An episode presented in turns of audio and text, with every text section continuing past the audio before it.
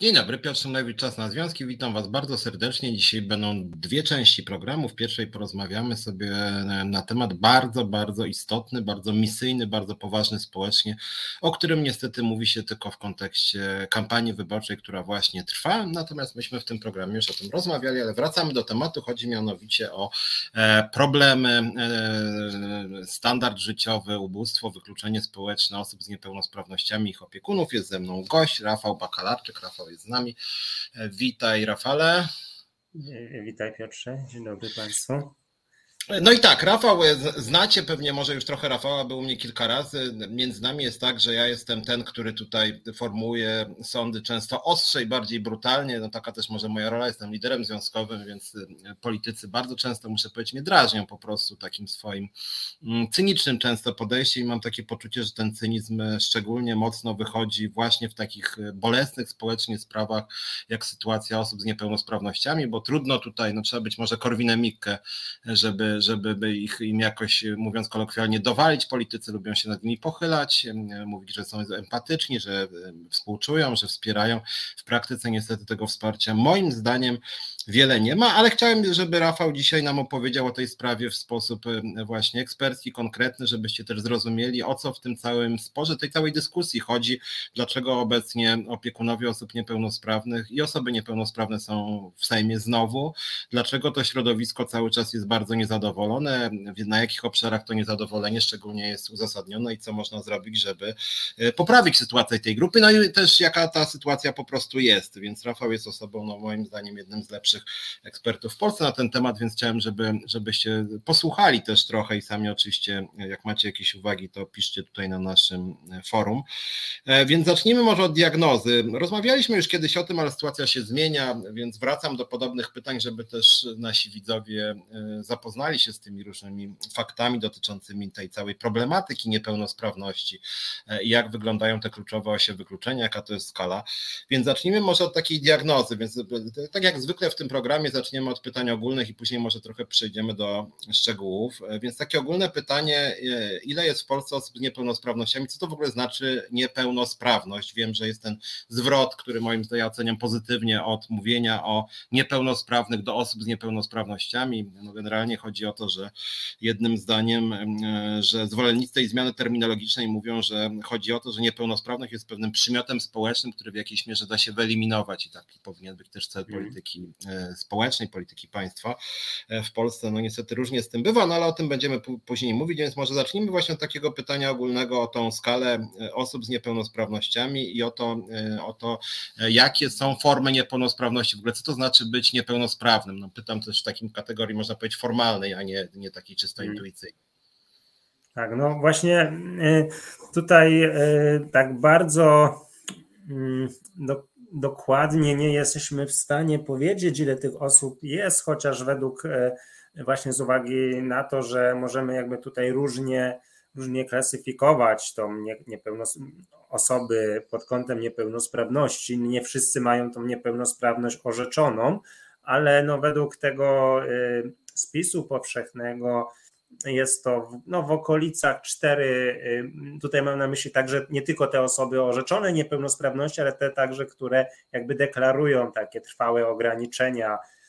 y, sprawności, nawet jeśli nie zawsze temu towarzyszy y, to konkretne orzeczenie, to jakby łącznie ta, ta szersza kategoria osób, no to to jest w granicach 4 i 4 milionów i 700 tysięcy, tak, tak można w pewnym przybliżeniu powiedzieć, w oparciu akurat właśnie o te dane ze spisu powszechnego. Zatem mamy do czynienia faktycznie z dość dużą grupą osób, to tam jest w przeliczeniu tak na procenty populacji to jest w granicach 12, nieco ponad 12%, a więc, a więc to, to, to nie jest e, tak e, grupa marginalna liczebnie, jakby się może niektórym dawa, wydawać, i to, to, to, to wyobrażenie pewnie części osób, zwłaszcza tych, którzy gdzieś w swoim bliskim otoczeniu się z niepełnosprawnością nie stykają, no może po prostu też częściowo być, e, wynikać z tego, e, że, że tych osób może być się wydawać mniej, no ponieważ część osób właśnie jest gdzieś tam zmarginalizowanych w sferze publicznej, w sferze, w takiej w ogóle też przestrzeni społecznej, więc po prostu jakby tych osób jest jakby dużo, ale oni są często gdzieś niewidoczni, prawda, w, nie tylko chodzi o to, że część niepełnosprawności w ogóle jest niewidocznych w takim sensie, że czasami możemy, nie wiem, na ulicy czy w jakichś e, sytuacjach spotykać się z osobami, o których możemy mieć poczucie, że jest w pełni sprawna. Okazuje się, że na przykład jakieś także czasami intelektualnie czy psychicznie, czy z jakichś innych nawet względów e, różnych chorób somatycznych może ta osoba mierzyć się z mniejszą lub większą niepełnosprawnością. Także grupa jest liczna i też jest no bardzo zróżnicowana, ponieważ mamy oprócz takich wręcz ilustracyjnych tych, czy takich, o których najczęściej myślimy niepełnosprawnościach, prawda, czyli ruchowych, fizycznych, to mamy także właśnie niepełnosprawności chociażby sensoryczne związane z, z pewnymi dysfunkcjami wzroku, słuchu, ale też niepełnosprawność e, w różnym stopniu intelektualna. Ten, ten typ niepełnosprawności no często szczególnie wiąże się z, e, z ryzykiem wykluczenia w różnych sferach życia. No i także myślę niepełnosprawność e, jakby związana z takimi trwałymi, ostrzejszymi mm, kryzysami psychicznymi, podatnością na te kryzysy, że część osób może być w pełni sprawna fizycznie, być w normie intelektualnej, a nawet tą, ten, ten powiedzmy e, wykraczać poza tą normę intelektualną, ale na przykład e, choroba psychiczna, która ich dotyka, powoduje, że stają się w określonych rolach społecznych i zawodowych, e, no nie, nie w pełni, przynajmniej czasowo nie w pełni sprawni. Zresztą znam osoby, które mają nawet orzeczoną znaczną niepełnosprawność w, w związku właśnie z tym, co oczywiście nie znaczy, że, że te osoby w ogóle nie są, e, nie, nie, nie należy o nich myśleć właśnie w kategoriach pewnych możliwości, potencjału i, e, i, i uczestnictwa w tym rynku pracy, ale no faktycznie są, są te osoby no narażone na, e, na, na pewne ograniczenia, bariery, też stereotypy, uprzedzenia, ale czasami też jakby no sam, sam charakter niepełnosprawności może też implikować no, to, że, że na przykład w bardziej określonych ścieżkach ta osoba się może odnaleźć zawodowych, a w innych no może niekoniecznie, chociaż też no, nie chciałbym tak ogólnie jakby tutaj jakoś ferować, kto powinien gdzie się odnaleźć, natomiast rzeczywiście no, są niektóre te zwłaszcza cięższe niepełnosprawności, które gdzieś to pole manewru y, mo mogą niestety zawężać i stąd właśnie mhm. potrzeba wsparcia A jest jeszcze, że, że, żeby ten wątek dokończyć, początkowy, że tak powiem, bo tutaj Anna Grzegorz pytała, ile jest osób z orzeczoną przez lekarzy niepełnosprawnością, a ja dla odmiany tak się jakby ogólnie chciałem dopytać, czy jest w ogóle jakby czy, czy, czy, pojęcie niepełnosprawności jest jakoś jasno zdefiniowane w polskim prawie? Czy to jest tak, że rzeczywiście każdy obywatel jest jakoś tam, nie wiem, co pewien czas badany przez lekarza i lekarz w momencie daje pieczątkę niepełnosprawny w jakimś tam stopniu? Czy, e, bo, bo, bo to, co powiedziałeś, że, że, że, że kluczowe dane daje de facto spis powszechny, no właśnie, czy, nie, czy to nie powinno być tak, że jednak powinno być, no można powiedzieć, jakoś, że tak powiem, zautomatyzowane, że nie wiem, w jakimś wzusie na przykład powiedzmy e, jakieś precyzyjne dane, ci są tacy, mm. ci są siacy, no bo rzeczywiście e, e, tak nawet na intuicję teraz mówię jako tak amatorsko, że tak powiem, że nawet zdarza się tak, że nie wiem, ktoś złamie nogę, więc jest tymczasowo niepełnosprawny, na przykład później może odzyskać pełnosprawność, tak? Mhm. Tak, i y, y, dlatego y, no, istnieją oczywiście formalne systemy, procedury, które one nie działają tak z automatu, że każdy obywatel jest tam, nie wiem, obligatoryjnie czy w sposób systematyczny poddawany tej ocenie, natomiast no, w sytuacji zaistnienia tych zdarzeń czy tych okoliczności, które no, prowadzą do, do mniej lub bardziej trwałej mm, tej niepełnosprawności, E, no to są określone ścieżki, tyle że on i tych ścieżek jest kilka, bo ponieważ osobno mamy, mamy kilka systemów orzecznictwa, co zresztą też bywa od lat e, jakby przedstawiane słusznie według mnie jako, jako pewien problem systemowy, że ten system jest bardzo tak, no zarówno system świadczeń i różnych form wsparcia, jak i samego orzekania o niepełnosprawności mocno rozczłonkowany i te poszczególne segmenty słabo się widzą. I tak naj, największym uproszczeniu można powiedzieć, że mamy, nie licząc tego orzekania dla, o, o tak zwanych potrzebach edukacyjnych, specjalnych potrzebach edukacyjnych w kontekście oświaty, bo to dotyczy tam no, po prostu dzieci z niepełnosprawnościami między innymi, ale w przypadku na przykład dorosłych osób, no to tutaj mamy po pierwsze jakby jeden nurt to jest to orzekanie dla celów rentowych, no i tutaj yy, no tutaj jest to, jest to ten system orzecznictwa przy, przy, przy zakładzie ubezpieczeń społecznych lub przy przypadku osób, które są w innym segmencie zabezpieczenia, na przykład w krusie, no to też jakby odpowiednik e, tego. Natomiast drugi system, segment orzecznictwa dotyczy orzekania w celach pozarentowych. E, to i to po prostu w strukturach powiatu są powiatowe zespoły orzekania o niepełnosprawności, potem na, na szczeblu też e, wojewódzkim taki szczebel odwoławczy. No i tutaj to jest też, tutaj też można uzyskać orzeczenie w, w to jest taka trójstopniowa dotychczas skala, stopień lekki, znaczny i umiarkowany i od tego, od, od e, posiadania tego stopnia niepełnosprawności też są zależne różne uprawnienia, różne ulgi, E, jakieś dodatkowe uprawnienia w zakresie, nie wiem, na przykład możliwości uzyskania sprzętu rehabilitacyjnego, czy turnusu rehabilitacyjnego, czy też określonych świadczeń, zarówno takich pozarentowych, zarówno dla samej osoby e, z tą niepełnosprawnością, jak i też dla członków rodzin, którzy czasami przejmują role wspierające czy wręcz opiekuńcze. Także no, system jest dość e, rozczłonkowany i właśnie w różnych segmentach tego systemu jest jakby można powiedzieć taka wspólna, wspólny mankament trochę wynikający z tego, że one jeszcze były konstruowane, te systemy no dekady temu, kiedy trochę było inna nasza świadomość, inne rozumienie tej niepełnosprawności i wiele jest takich nawet w samym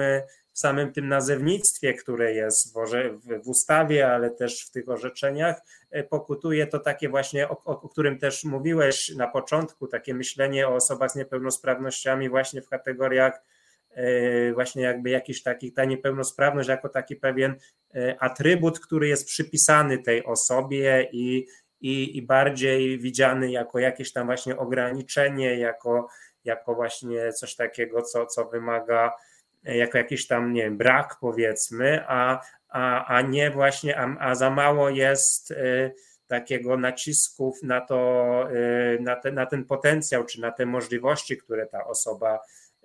ma, co, co zresztą bardzo y, może wpływać zarówno na to, jak na przykład taki pracodawca, czy przyszły pracodawca będzie patrzył na taką osobę, którą, która na przykład przychodzi na rozmowę kwalifikacyjną, czy przychodzi do pracy, no i ma w orzeczeniu na przykład znaczną czy częściową niezdolność do pracy. No to już jest jakiś taki sygnał, a tymczasem, że, że, że ta osoba no nie, niekoniecznie się nadaje lub, lub,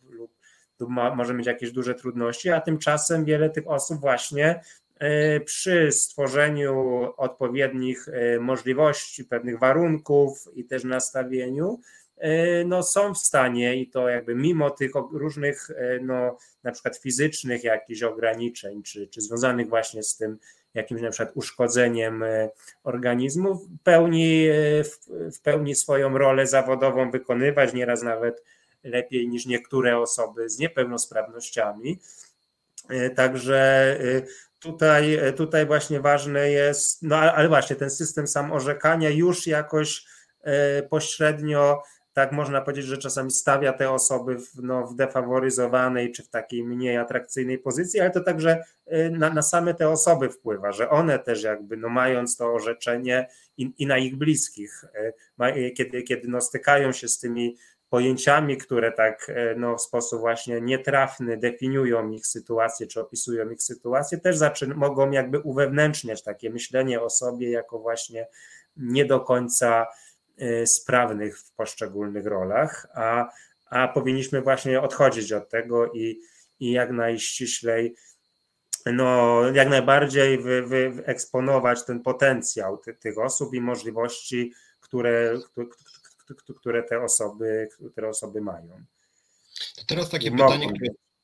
trochę tematem rzeką tak naprawdę, bo chciałem się ciebie spytać, jakie są świadczenia dla tych osób z niepełnosprawnościami,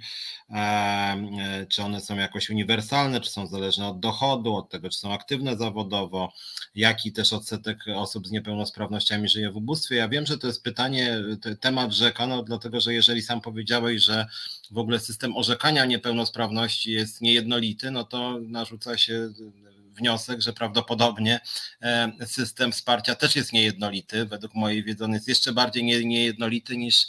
niż system orzekania niepełnosprawności. Ale jakbyś mógł tak ramowo powiedzieć właśnie, jak, jak, jak wygląda sytuacja materialna osób z niepełnosprawnościami, to znaczy ilu z nich jest bardzo biednych, ilu z nich jest na jakimś bezpiecznym, ale niskim poziomie, ilu z nich po prostu godnie żyje, na ile oni są grupą e, wykluczoną ekonomicznie i, i, i jak ciasny jest ten system świadczeń społecznych dla tych osób, jakie to są w ogóle świadczenia, czy są jakieś mhm. wspólne dla wszystkich, jak to jest?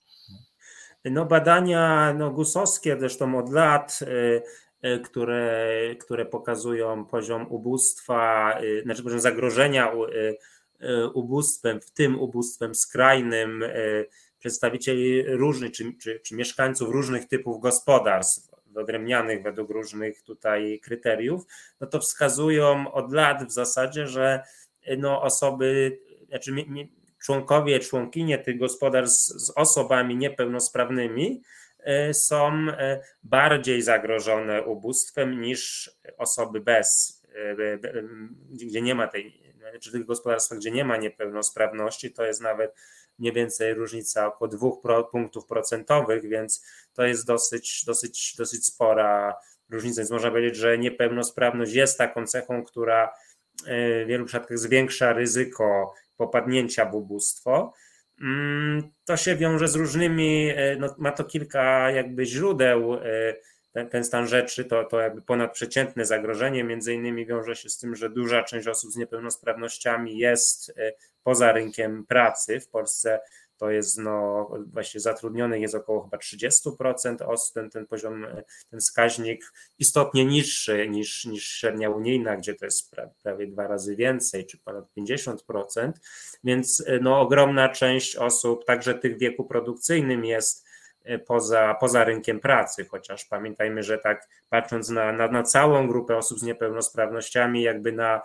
kształtowanie się tego ryzyka niepełnosprawności w cyklu życia, no to oczywiście największe to ryzyko jest w starszym wieku, czy też w podeszłym wieku, więc to jest ta naj, naj, największa część osób z niepełnosprawnościami, ale także no, w młodszych fazach życia, u niektórych wręcz od urodzenia, e, u niektórych nieco później, ale pojawia się ta niepełnosprawność, no i, i, i wiele z tych osób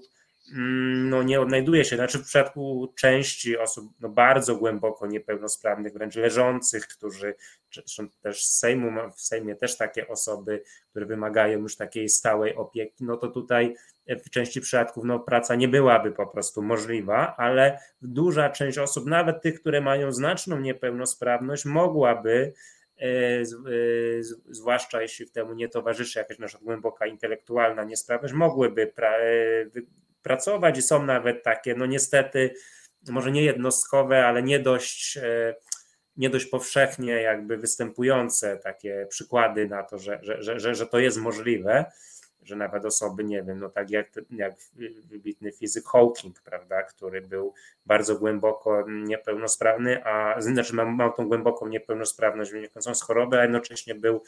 e, no, aktywny i publicznie i zawodowo.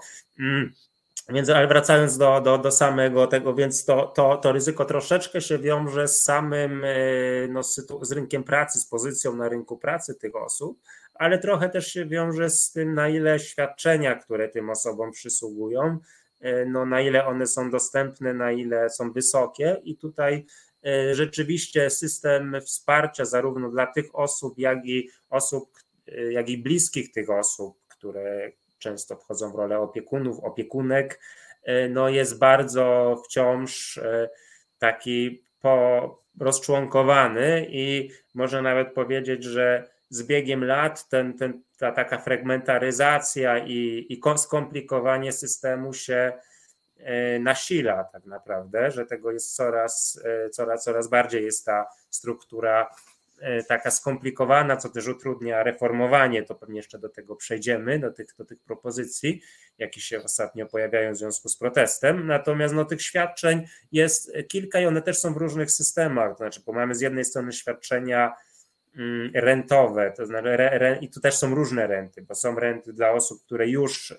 weszły na rynek pracy, miały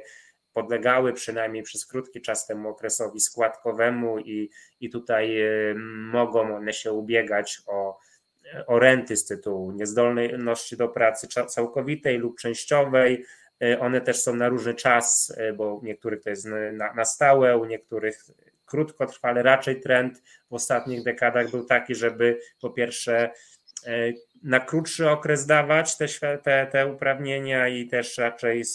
no, nie dawać tak łatwo, o ile na przykład w latach 90. był taki taki zarzut, że zbyt pochopnie dawano te renty y, ludziom, że było bardzo, bardzo dużo tych uprawnień rentowych, tak w późniejszych latach to się odwróciło. No ale oprócz tego mamy też inne świadczenia, no nawet renty możemy mieć innego typu, chociażby te renty socjalne. Teraz osoby, które y, aktualnie protestują w Sejmie, to właśnie jakby tym, y, ten punkt ciężkości tego protestu to jest właśnie podniesienie tych rent socjalnych. I te renty socjalne właśnie są dla osób, które no, albo w wyniku jakichś wad wrodzonych, e, albo jeszcze w okresie zdarzeń, które miały e, no, miejsce w dzieciństwie, no, sta, właśnie e, stały się niepełnosprawne w okresie niepełnoletności, czyli jakby w dorosłość wchodzą już będąc, będąc osobami no, z niepełnosprawnościami, no i, no i faktycznie tym osobom przysługuje tak zwana renta socjalna, ona w tej chwili jest na poziomie no, równoważna minimalnym tam świadczeniom rentowym i emerytalnym, to jest tam 1588 zł brutto.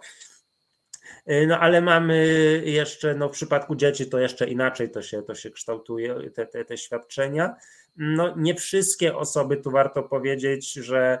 w ogóle e, e, kwalifikują się do których rent, no bo jeśli ktoś stał się niepełnosprawny już w dorosłym życiu, a więc nie otrzymuje renty socjalnej, ale nie zdążył jeszcze się odnaleźć na rynku pracy lub pracował e, w warunkach takich nieoskładkowanych na umowę o dzieło na przykład, a wiele na przykład młodych ludzi tak, tak zaczyna tą swoją ścieżkę, no i uległ wypadkowi ciężkiemu, jakby skutkującemu trwałą niepełnosprawnością, no to tutaj renta taka też mu z ZUS-u nie przysługuje, no więc wówczas tylko jakaś forma, nie wiem, zasiłku stałego z pomocy społecznej, ale one też są, one z kolei są obarowane kryterium dochodowym i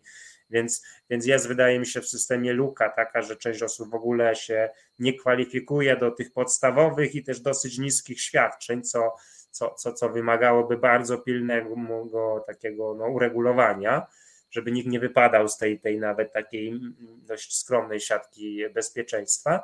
Mm, no mamy jeszcze różne takie świadczenia, które jakby mają charakter uzupełniający, które jakby oprócz tych rent, y, no część też oczywiście jest na emeryturach osób z niepełnosprawnościami, czy to wcześniejszych, czy późniejszych, ale są jeszcze te dodatkowe y, świadczenia typu, nie wiem, zasiłek pielęgnacyjny, to na przykład dziecko może z niepełnosprawnością Mm, otrzymać tam przy w niektórych orzeczeniach, w części orzeczeń e, e, Także dodatki pielęgnacyjne od 2019 roku jest jeszcze takie świadczenie uzupełniające dla osób niezdolnych do samodzielnej egzystencji, ale ono też jest obwarowane z kolei progiem dochodowym. Mm, no więc jakby tych świadczeń jest trochę i one są no różnej, różnej wysokości. Te w przypadku tych, tych podstawowych, czyli rent, no to one Y, tutaj są pewne takie ustawowe gwarancje, żeby one no, nie spadały poniżej pewnego poziomu, no ale ten, ten pułap jest ciągle no, dość niski. To jest, yy, zresztą był jeszcze dużo niższy niedawno, ale trochę też na skutek tych protestów i odpowiedzi kolejnych rządów na nie udało się przynajmniej nieco podnieść te świadczenia, bo na przykład w jeszcze 2015 renta socjalna to była bodajże niecałe 800 zł brutto, no w tej chwili to jest no nadal nie tak dużo, ale przynajmniej w wartościach nominalnych no, prawie dwa razy więcej, chociaż trzeba też pamiętać, że koszty życia i nawet, e, nawet płaca minimalna e, też e, wzrosła więcej w tym czasie. Znaczy ta, ta, ta rozpiętość, ta, ta różnica między nawet minimalnymi wynagrodzeniami w gospodarce, a właśnie wysokością tych świadczeń rośnie. Zresztą dlatego też protestujący właśnie się domagają, żeby to tutaj bardziej wyrównać. A to, to w ogóle to tak, tak bo tak sobie pomyślałem, że jaki właściwie jest argument na rzecz e, tego, że właśnie te renty i też najniższe emerytury są, no już tak sobie szybko w głowie liczę, no rzędu 45% płacy minimalnej. Płaca mhm. minimalna, jej konstrukcja jest taka, no, że zakłada się, że płacą minimalną to jest taka stawka, która pozwala ma pozwalać na zaspokojenie mniej więcej podstawowych potrzeb. No taki jest pomysł jakby ideowy, no jako związkowiec broni, żeby ta płaca minimalna była jak najwyższa, bo tym bardziej, że ceny rosną szczególnie dla osób najbiedniejszych, teraz w związku z tym to jeszcze pewnie będę mówił w drugiej części programu, ale generalnie rzecz biorąc, no jeżeli e, i emerytura minimalna i renta socjalna są poniżej połowy minimalnego wynagrodzenia, no to chciałoby się powiedzieć strasznie mało. To znaczy, no, zakłada się, że pracownik żyje za te minimum 3490 brutto, i zakłada się, że najbiedniejszy rencista, no tak jeszcze no, z niepełnosprawnościami często, utrzyma się za niecałe 1500 na rękę, tak? Więc to w ogóle jakaś taka dziwna logika w sumie trochę. Tak, ja myślę, że tu nie ma logiki, nie ma, znaczy nie ma jej także dlatego, że to nie był, że, że ten stan rzeczy, który, który w tej chwili mamy, on nie jest jakby efektem jakiegoś w miarę spójnego pomysłu kogoś na to, żeby to było w takich proporcjach, a nie innych, tylko tu jest troszeczkę jakby z jednej strony trochę takiej inercji, że, że pewne rzeczy gdzieś tam na, na jakimś poziomie zostały, no i, i tak to się jakby dalej, prawda, toczy. Jeśli nie ma tego impulsu, najczęściej właśnie w postaci protestów, to, to, to się niewiele zmienia, a równolegle zachodzą też inne procesy na innych jakby odcinkach, na przykład ta płaca minimalna. Ja wiem, że tutaj z perspektywy tutaj naszej, czy, czy w ogóle związkowej, też to, to nie, nie, nie jest pewnie jakiś satysfakcjonujący poziom, ale mimo wszystko jakby na tle tempa wzrostu tych innych różnych świadczeń socjalnych, no to mhm. ona poszła w górę i, e, no i to powoduje, że gdzieś ta, ta, ta różnica jest, e, no jest coraz większa, ale tak jak powiedziałeś, no, jeśli by się właśnie trzymać tej, tej filozofii, czy tego no, rozpoznania właśnie, jak, że, że właśnie jakaś płaca minimalna ma ten podstawowy poziom e, elementarny chociaż przynajmniej e, zapewnić, no to w, w, w, tym kontekście, no to jeśli coś jest dwa, dwukrotnie ponad mniejsze te świadczenia dla niepełnosprawnych, no to budzi duże takie no, opór zresztą no, nawet nie tylko jeśli porównamy z płacą minimalną, ale też różnymi nawet takimi podstawowymi kosztami życia, utrzymania, utrzymania lokum czy zaspokojenia podstawowych potrzeb, a tu w przypadku, i to, to jest też coś, na co warto zwrócić uwagę, że e,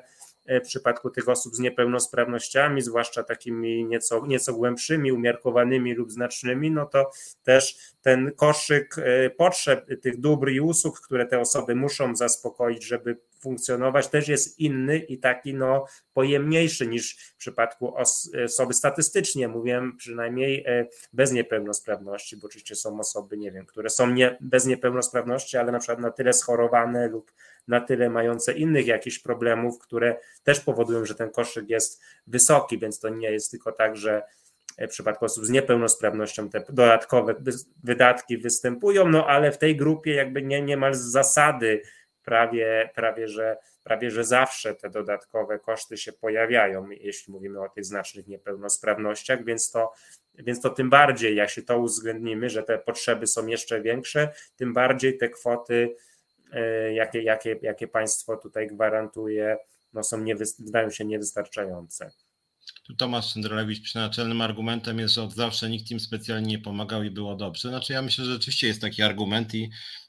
natomiast przypominam dla osób, które nie oglądały od początku, że właśnie ta liczba, która no brzmi, że tak powiem efektownie nawet wyborczo, prawie 5 milionów osób to są osoby z różnymi formami niepełnosprawności, więc aż szokujące, że tak bardzo politycy lekceważą e, tą grupę. E, z drugiej strony wstęp do kolejnego pytania, też Tomasz pisze właśnie, że w jednym zakładu, w którym e, przyszło mu pracować, ceniony był facet jednoręczny, pomagający sobie kikutem drugiej ręki, był czy nie był niepełnosprawny. No widzisz Tomasz, to chyba tak właśnie jest, że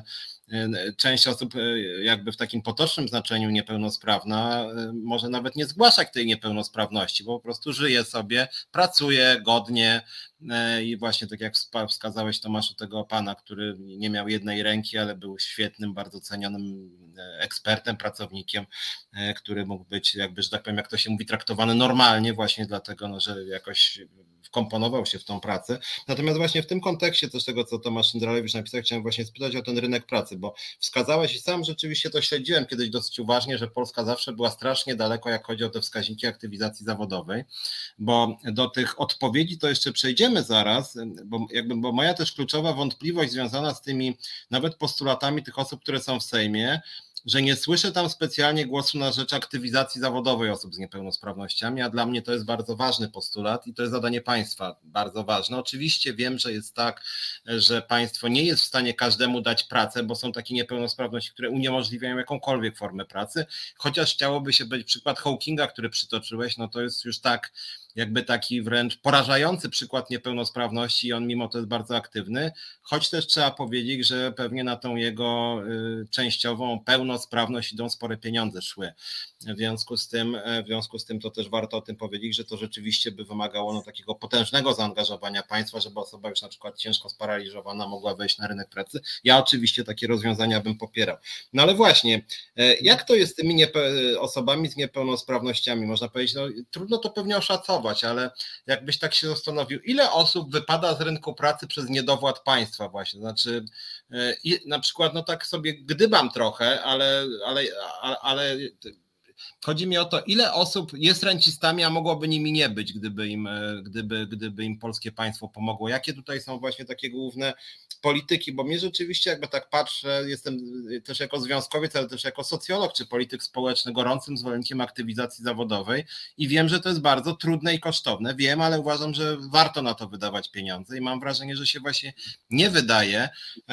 e, no i właśnie, jak nawet porównamy z tak z Unią Europejską, ile osób jest jakby wykluczonych z rynku pracy z przyczyn stricte zdrowotnych, czyli takich, no, że w zasadzie nie mogą pracować, są nie wiem, po jakimś ciężkim udarze na przykład, są sparaliżowani, a ile osób e, wypada z rynku pracy, można powiedzieć, z, z, przyczyn społeczno-politycznych? Mhm.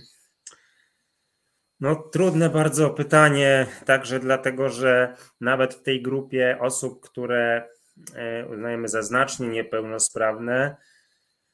e, no to nie jest jakby no, no i, i są tacy, którzy faktycznie nawet w, te, w tej właśnie najciężej niepełnosprawnych osób, e, wśród nich e, też są osoby, które mm, no, których faktycznie stan zdrowia no, nie pozwala na, na pracę, czy w ogóle na takie funkcjonowanie niezależne, i tacy, którzy są w stanie, zresztą znam osobiście dużo takich, znaczy jednych i drugich osób w tych, tych grupach, które Y, y, którzy z kolei mogą, i są też tacy, którzy powiedziałbym troszeczkę pomiędzy, którzy faktycznie jakieś tutaj mają, y, no, mogą mieć te obiektywne trudności ze znalezieniem pracy, ale da się tutaj coś zrobić, żeby przynajmniej w jakimś pewnym wymiarze, tu myślę przede wszystkim o takich osobach z niepełnosprawnością intelektualną, którzy no może nie w stopniu jakimś bardzo, bardzo głębokim, ale które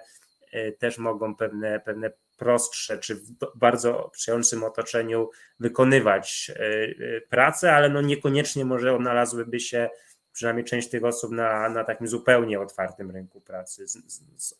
Więc tutaj no, no bardzo jest trudno, ponieważ to wszystko dostarczy takie pewne kontinuum możliwości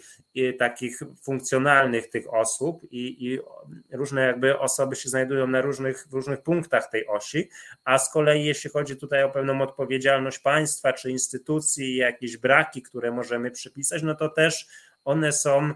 jakby rozsiane po różnych segmentach polityki publicznej, no bo część E, część tych, os- część tych jakby nie wszystkie te problemy, które skutkują tym, że, że, że, że tak, tak duża liczba tych osób jest poza rynkiem pracy, wiążą się z samą polityką zatrudnienia czy z samą polityką wobec rynku pracy. Część tych problemów wiąże się na przykład z tym, że te osoby już na etapie edukacji nie, nie miały możliwości skorzystania z, na przykład z tych form edukacji integracyjnej czy wręcz włączającej,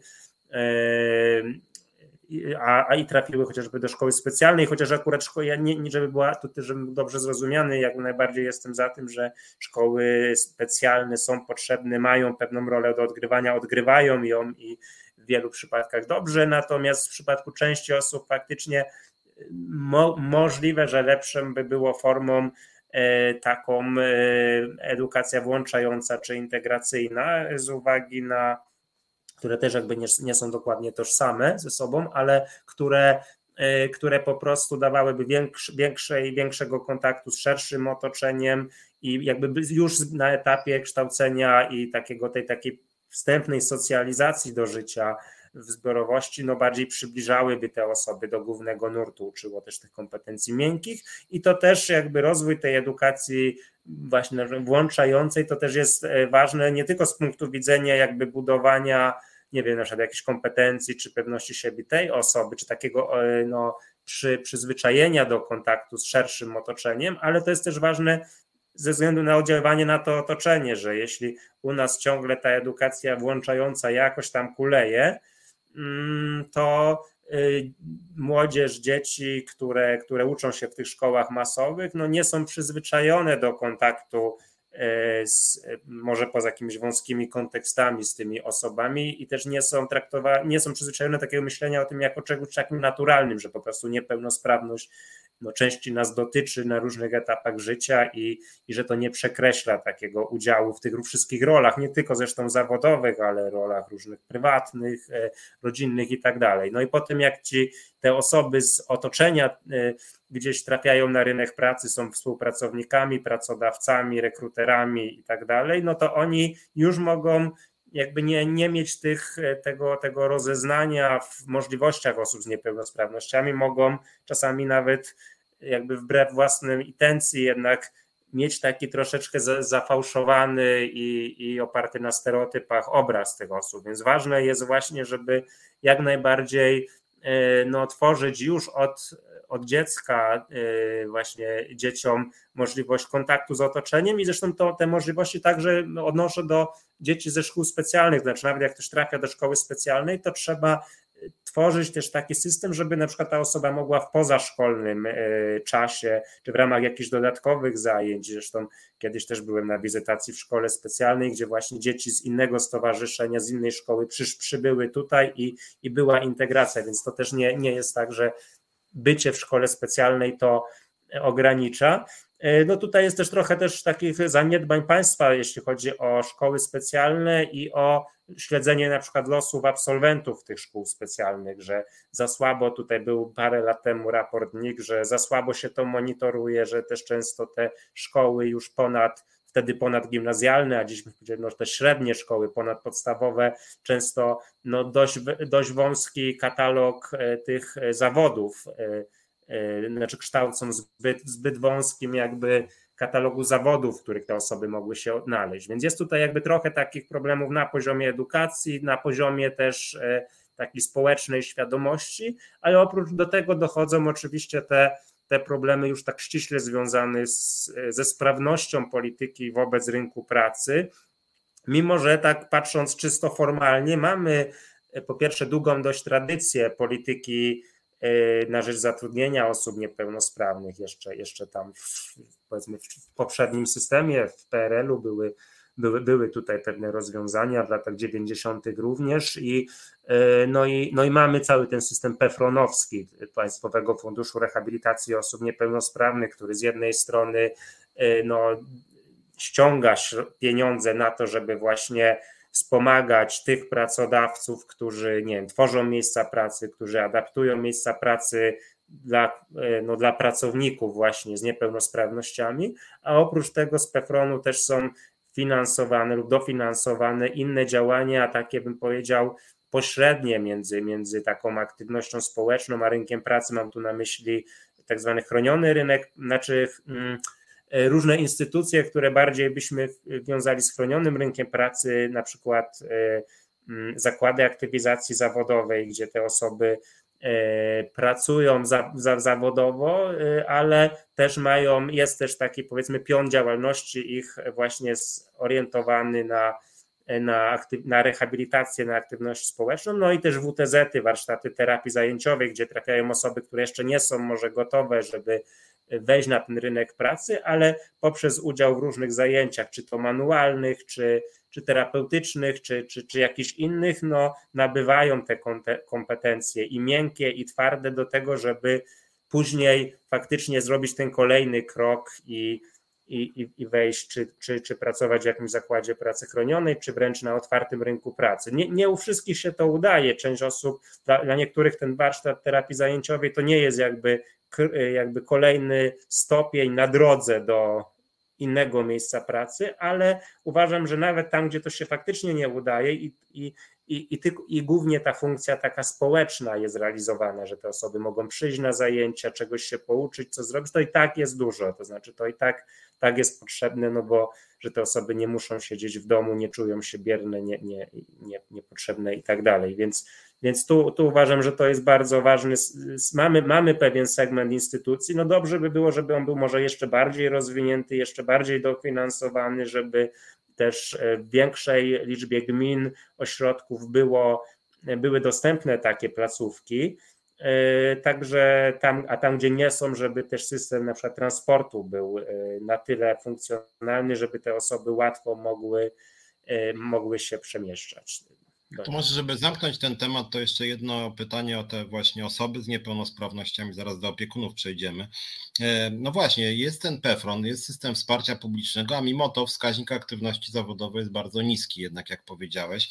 E, e, jak to jest z tymi zarobkami właśnie osób z niepełnosprawnościami? Czy, czy, czy, czy są jakieś takie branże, w których szczególnie wielu, wiele jest osób z niepełnosprawnościami? Czy ja wiem, że to jest jakby takie pytanie nawet zbyt ramowe, no bo czym innym jest być bycie niedowidzącym, a czym innym jest bycie na mhm. przykład, że nie, nie, nie ma się ręki czy nogi, czy, czy mhm. ma się jakąś niepełnosprawność umysłową, to są zupełnie inne schorzenia. E, ale czy ten system pefronowski jest jakby szczególnie działa w jakimś segmentach rynku pracy, a, a gdzieś na przykład go w ogóle nie ma i, i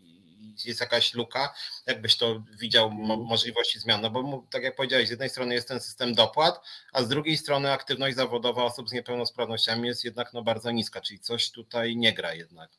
Hmm. Tak, i myśl, znaczy myślę, że y, jakby, jakby obwinianie za niepowodzenie, znaczy, czy szukanie źródeł tego niepowodzenia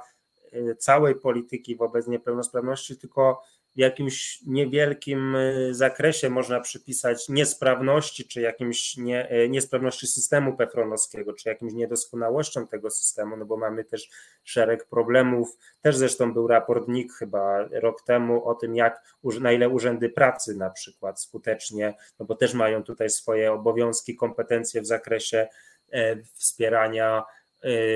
tych osób bezrobotnych, y, właśnie, które też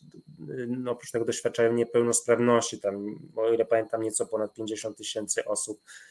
z niepełnosprawnościami jest właśnie zarejestrowanych w, w, urzędach pracy, więc tych elementów systemu jest więcej. Powiedziałbym, nie wiem, czy Pefronos, czy, czy to właśnie ten, te,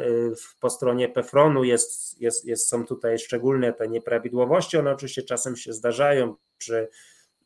czy też po stronie nie wiem, pracodawców, którzy korzystają z tego lub właśnie nie korzystają, za mało korzystają z, z możliwości, jakie ten system daje, no bo tu też dużo tych działań no, no, no nie, nie, nie, nie, nie zachodzi jakby z automatu, że to jest taki mechanizm, no tylko no, pracodawcy mogą, prawda, jeśli podejmują pewne działania, skorzystać z tego, no ale jeśli nie podejmują działań, no to no to, no to tutaj jakby nie ma, nie ma, nie ma, nie ma jakby przymusu, prawda, że, żeby, żeby taką osobę z niepełnosprawnościami zatrudnić, no i część osób, a część pracodawców właśnie no nie, nie wiem, nie widzi możliwości lub nie, nie, nie z, jakich, z, różnych, z różnych względów nie, nie decyduje się na to, także pamiętam był taki dwa lata temu, czy, czy parę lat temu już raport NIK o e, publicznych, czy takich państwowych pracodawcach pod kątem tego zatrudniania osób z niepełnosprawnościami. Tam wyszło, że te nawet ustawowe wskaźniki wymagane były niespełnione w przypadku wielu z nich. No i tam zdiagnozowano, że już na etapie rekrutacji na przykład nie, nie uwzględnia się właśnie specyfiki potrzeb tych osób, e, także nie dociera się często z ofertą. Tutaj jedną z takich konkluzji było to, że, że przynajmniej ci publiczni pracodawcy powinni nie wiem, na przykład bardziej współpracować z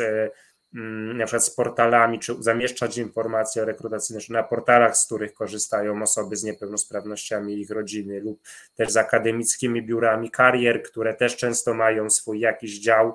dotyczący niepełnosprawności, tak żeby a, a część osób z niepełnosprawnościami też studiuje, więc, więc jakby już też na poziomie takiego przepływu informacji, do dostarczenia informacji o, o istniejących ofertach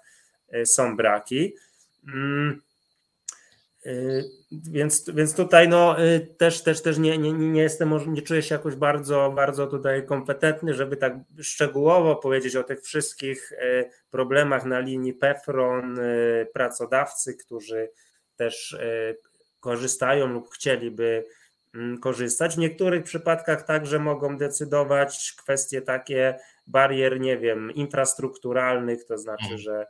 siedziba firmy jest niedostosowana, nie wiem, do y, y, nie wiem, dojazd do tej firmy, jakieś elementy organizacji pracy, na które można dostać dofinansowanie, ale y, no, w przypadku tych często małych mikrofirm, no to wiadomo, że to tutaj też, też, też ta wydaje mi się specyfika polskiego rynku pracy, struktury polskiego rynku pracy, wydaje mi się, że też może być nie zawsze sprzyjająca, że w przypadku dużych firm państwowych, czy nawet dużych jakichś prywatnych firm, no to tutaj łatwiej teoretycznie jest zadbać o te mm, o to, o to, o to odpowiednie dostosowanie do, do potrzeb pracownika. No a są też takie narzędzia, które, które są gdzieś tam postulowane, ale które nie są wykorzystane systemowo. Na przykład jest taka instytucja Y, to się nazywa zatrudnienie y, wspomagane i instytucja trenera pracy. Częściowo w ramach projektów niektóre fundacje to takich, takich usług udzielają, że osoba z niepełnosprawnościami trafia do osoby właśnie pełniącej tą funkcję trenera i wspólnie jakby kształtują dalszą ścieżkę na rynku pracy. Taka osoba może pomóc tej osobie E, no, temu swojemu klientowi, nie wiem, e, zaaranżować spotkanie z pracodawcą i nawet później, jak już zaczyna pracę i jeszcze nie ma doświadczenia, no to pomaga tej osobie wykonywać swoje obowiązki e, zawodowe, żeby ją tak wdrożyć. No i stopniowo, jak ta osoba już się wdraża w swoje, w swoje czynności, no to ten trener pracy zaczyna mieć coraz mniejszą rolę, już taką bardziej konsultacyjną. Tego systemowo nie ma, to jest bardzo fajna praktyka na przykład y, no, nie tak dawno oglądałem filmik z Wrocławia, gdzie właśnie pan z zespołem Downa trafia do takiego trenera pracy i ten trener faktycznie pomaga mu postawić te pierwsze kroki. Później ta osoba już sobie radzi dobrze, jeśli się wdroży w to, ale w przypadku zwłaszcza osób z niepełnosprawnościami mogą być takie na przykład obawy, że sobie nie poradzę, że, że, że to jest coś dla mnie nowego, więc ważne jest właśnie na, na starcie takie E, takie, takie, takie wspomaganie. No i tutaj na przykład przydałyby się, wydaje mi się, jakieś takie działania publiczne, żeby uczynić to bardziej systemowym rozwiązaniem, takim, tak jak niektóre inne już instrumenty, które od lat są w tym e, dofinansowywane z PFRON. Mhm. To chciałem przejść teraz do tej drugiej grupy, która jest spleciona z tą pierwszą, mianowicie z opiekunami osób z niepełnosprawnościami. No i właśnie, znaczy dwa pytania chciałem połączyć w jedno. Z jednej strony, jak ogólne, jak wygląda w Polsce w ogóle opieka nad osobami z niepełnosprawnościami, kto się nimi zajmuje. No i tutaj jakby dwie ścieżki, czyli po pierwsze, jaka jest opieka instytucjonalna, jeżeli w ogóle jest, jak to wygląda, czy ona jest płatna, co jest bezpłatne, jakie są możliwości, czyli krótko mówiąc, jeżeli na przykład e, nie wiem, mam ciężką, e, osobę z ciężką niepełnosprawnością, nie wiem, ojca po udarze na przykład bardzo ciężkim, to właśnie czy mam możliwość, że tak powiem w cudzysłowie, poprosić państwo, żeby się że no żeby się nim zajęło profesjonalnie, czy ja muszę coś za to zapłacić, czy nie. No i druga sprawa, jaka jest skala opieki e, osób bliskich, czy z rodziny e, jak tutaj wygląda opieka i pomoc państwa w tej sprawie. No już powoli zbliżamy się do tego sporu, który ma teraz miejsce w Sejmie, no ale właśnie, więc jaka z jednej strony jest pomoc państwa, jeżeli jest osoba z niepełnosprawnością i wymaga tej opieki, a z drugiej strony jaka jest ta skala e, pomocy osób, nazwijmy to prywatnych i co oni dla odmiany dostają od państwa. Mhm. No rzeczywiście polski system jest, niektórzy określają to mianem takiego familizmu bez wsparcia, czyli że w ogromnej mierze to spoczywa na bliskich, zapewnienie takiego wsparcia opiekuńczego, e, właśnie chociażby w takich sytuacjach, ktoś jest po wylewie, ktoś jest po udarze, czy pod wpływem jakiegoś po wypadku, no to tutaj ogromna ogromna część tych e, jakichś obowiązków opiekuńczych no, spada najczęściej najbliskich. Zresztą, no tak też kulturowo jesteśmy przyzwyczajeni, że wiele osób po prostu jako naturalne traktuje podjęcie tych działań i samo sobie to jest jak najbardziej wartościowe, ale trzeba pamiętać, no, że ludzie mają różne, różne możliwości, żeby temu, temu sprostać i e, warunki mieszkaniowe, warunki finansowe, kondycję zdrowotną, mówię tutaj o, o samej kondycji też opiekuna, mm, różne też inne zobowiązania, więc e, tak czy inaczej e, to nie jest tak, że państwo, według mnie przynajmniej państwo powinno no, przyjmować to jako jakby pewnik, jako oczywistość, no, że tak, pojawia się to ryzyko zapotrzebo- czy zapotrzebowanie na opiekę, no to rodzina przyjmuje i i państwo może ewentualnie, jak, jak ta rodzina sobie już zupełnie nie daje rady tam wkroczyć. Wydaje mi się, że tu przydałby się taki model, w którym e,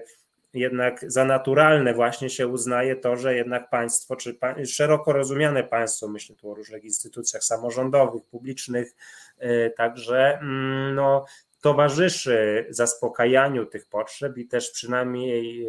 y, częściowo odciąża bliskich, wspomaga też ich w tej roli. To się dzieje, oczywiście to nie jest taki zero-jedynkowy podział, no bo w Polsce też nawet przy tak kulawym systemie opieki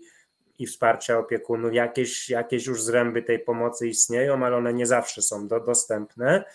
Mm, jeśli chodzi o opiekę taką instytucjonalną, my mamy na tle porównawczym y, tutaj krajów rozwiniętych mm, jeden z najniższych wskaźników takiej instytucjonalizacji, czyli że bardzo niewiele procentowo osób, których pojawia się takie zapotrzebowanie na stałe wsparcie w czynnościach życia codziennego, trafia do placówek. E, znaczy w liczbach bezwzględnych to może nie jest tak mało, bo, bo to tam samych, chyba w samych DPS-ach jest bodajże 70 mm, ponad tysięcy czy 80, już nie pamiętam, osób. Tych DPS-ów są różnego rodzaju, bo to są dla osób starszych, dla osób przewlekle chorych somatycznie, psychicznie, no jest tam siedem bodajże rodzajów. Natomiast no jeszcze są inne placówki niż DPS-y, typu zakłady opiekuńczo-lecznicze, e, e, placówki opieki hospicyjnej, stacjonarnej i e, więc tych form opieki jest dużo, natomiast no, na tle mm, tego, tej, tak, jeśli chodzi o proporcje tego, jak to się ma do liczby osób, które jednak nie trafiają do placówek, a są pod w warunkach domowych, najczęściej pod opieką nie, nieraz wyłączną bliskich, no to tych, tych osób jest jeszcze, jeszcze więcej. No część z nich otrzymuje jakieś wsparcie takie publiczne w warunkach właśnie domowych, o tym się mam wrażenie mało mówi, mało wie, tylko jednak pokutuje takie myślenie, że albo rodzina się przejmuje te obowiązki, albo, instytut, albo e, przekazanie czy trafienie do placówki, do domu opieki, prawda, czy do DPS-u. Tymczasem no, są jeszcze te formy pośrednie. Zgadzam się, że one na poziomie wielu gmin, wielu społeczności nie są dość dobrze dostępne, nie są wystarczająco rozwinięte, e, ale co zresztą tak jakby utrwala ten, ten taki bardzo według mnie wadliwy podział na instytucje i rodzinę, bez tego, co jest pomiędzy. No ale, ale trzeba o tym pamiętać, że też są zresztą nawet u mnie w, w, rodzinie, w domu, w rodzinie też korzystamy z takich zewnętrznych mm, form, na, form, na przykład możliwość y, y, zwrócenia się do ośrodka pomocy społecznej o przyznanie dodatkowych godzin opieki, znaczy takich usług opiekuńczych. W przypadku osób, które mają też niepełnosprawność intelektualną, zaburzenia psychiczne, to jest też możliwość skorzystania z tak zwanych specjalistycznych usług opiekuńczych. Niestety wiele gmin, bodajże ponad 80, w ogóle to akurat jest w formie zadania zleconego, więc te gminy mogą otrzymać też zewnętrzne środki, ale y, no nie, nie, nie realizuje, to znaczy ogromna część kraju tych specjalistycznych usług opiekuńczych nie świadczy co, co też należałoby by, by zmienić. W przypadku tych zwykłych usług opiekuńczych, no najczęściej to one trafiają do osób starszych, które są samotne, prawda, a już nie, nie są w stanie samodzielnie gospodarować ze względu na wiek i sprawność, no, niesprawność, no to tutaj też chyba bodajże około 10% gmin tego nie świadczy, mimo że to jest zadanie ich własne, ale no tutaj ta sytuacja jest troszeczkę lepsza. Mm, no są, jest też możliwość starania się o usługi pielęgniarki opieki długoterminowej e, ze środków NFZ-u, no i parę jeszcze innych, innych programów, e, które, które, które są, ale ono, to nie idzie tak z automatu, że jest potrzeba jakaś prosta, prosta ścieżka i to, to, to zostanie przyznane. To, to, to nie zawsze tak jest i, i część tych usług też jest przynajmniej częściowo współpłatnych, odpłatnych. Mm, e, akurat nie te z NFZ-u, ale te usługi z pomocy społecznej, jeśli się przekracza określony próg dochodu, no to to, to pewne opłaty są. One często nie są, jeśli to jest niewielkie, e, niewielki poziom wsparcia e, wymagany, no to te koszty nie są zwykle jakoś bardzo duże, natomiast jeśli już pojawia się zapotrzebowanie na opiekę no, wiele, wielogodzinną, codzienną, mm, no to tutaj ten koszt jakby od, od razu lawinowo rośnie. Mhm. Natomiast co do trafienia do placówki instytucjonalnej, to to nie jest tak, że kto, bo to czasami tak się przedstawia w sposób, wydaje mi się krzywdzące też dla rodzin tych osób, że, że tutaj no, ktoś oddał tam nie wiem, bliską osobę do, do, do DPS-u czy do domu opieki, że to, to nie jest po prostu tak, że ktoś sobie oddaje, tylko no jest określona procedura, zresztą wcale nie dająca, nie zawsze dająca gwarancji, gwarancję znalezienia takiego miejsca w placówce. Mm, jest, jest, jest procedura, która się musi zakończyć określoną ścieżką, znaczy określoną decyzją administracyjną o przyznania miejsca w takim yy, domu pomocy społecznej. E, i różnie jest z warunkami w tych placówkach, to jest jakby też myślę na, na osobną dyskusję, co tutaj można by zmienić. Wydaje się, że rzeczywiście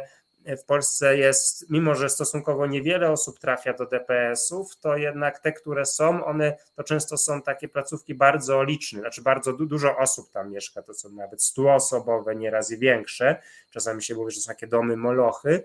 Pewnie lepiej by było troszeczkę rozrzedzić tą e, strukturę, tak żeby to były bardziej kameralne placówki, ale przede wszystkim oprócz samej wielkości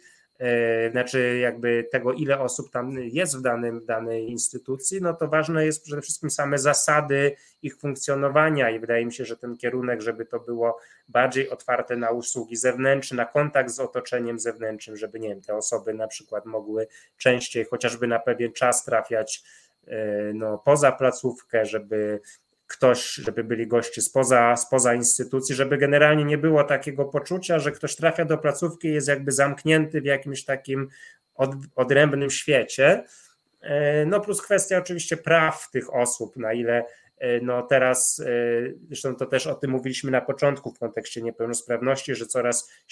na szczęście silniej się akcentuje tą podmiotowość, niezależność. I tak samo uważam, że w odniesieniu do tych osób, które trafią już do placówek, też e, warto to tak rzeźbić, żeby mm,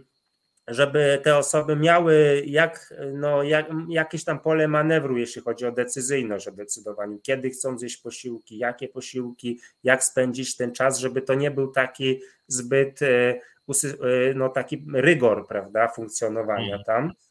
E, także tu jest dużo takich rzeczy, które zewnętrznie można poprawić w funkcjonowaniu tych placówek. I tak jak rozmawiałem nieraz w ramach takiej szerszej dyskusji, która jest toczona o tak zwanej deinstytucjonalizacji, o przemodelowaniu tego systemu, żeby on był bardziej taki środowiskowy, oparty na wsparciu środowiskowym, to e, jak zabierali głos w, tej, w tym tej, tej debacie mm, dyrektorzy na przykład placówek, to oni mówili, że oni chcieliby nawet pójść w tym kierunku, że oni by byli otwarci na przykład na świadczenie usług w trybie dziennym, czy zaś zapewnienie e, usług e, tymczasowego pobytu czasem innym, którzy na co dzień są poza, e,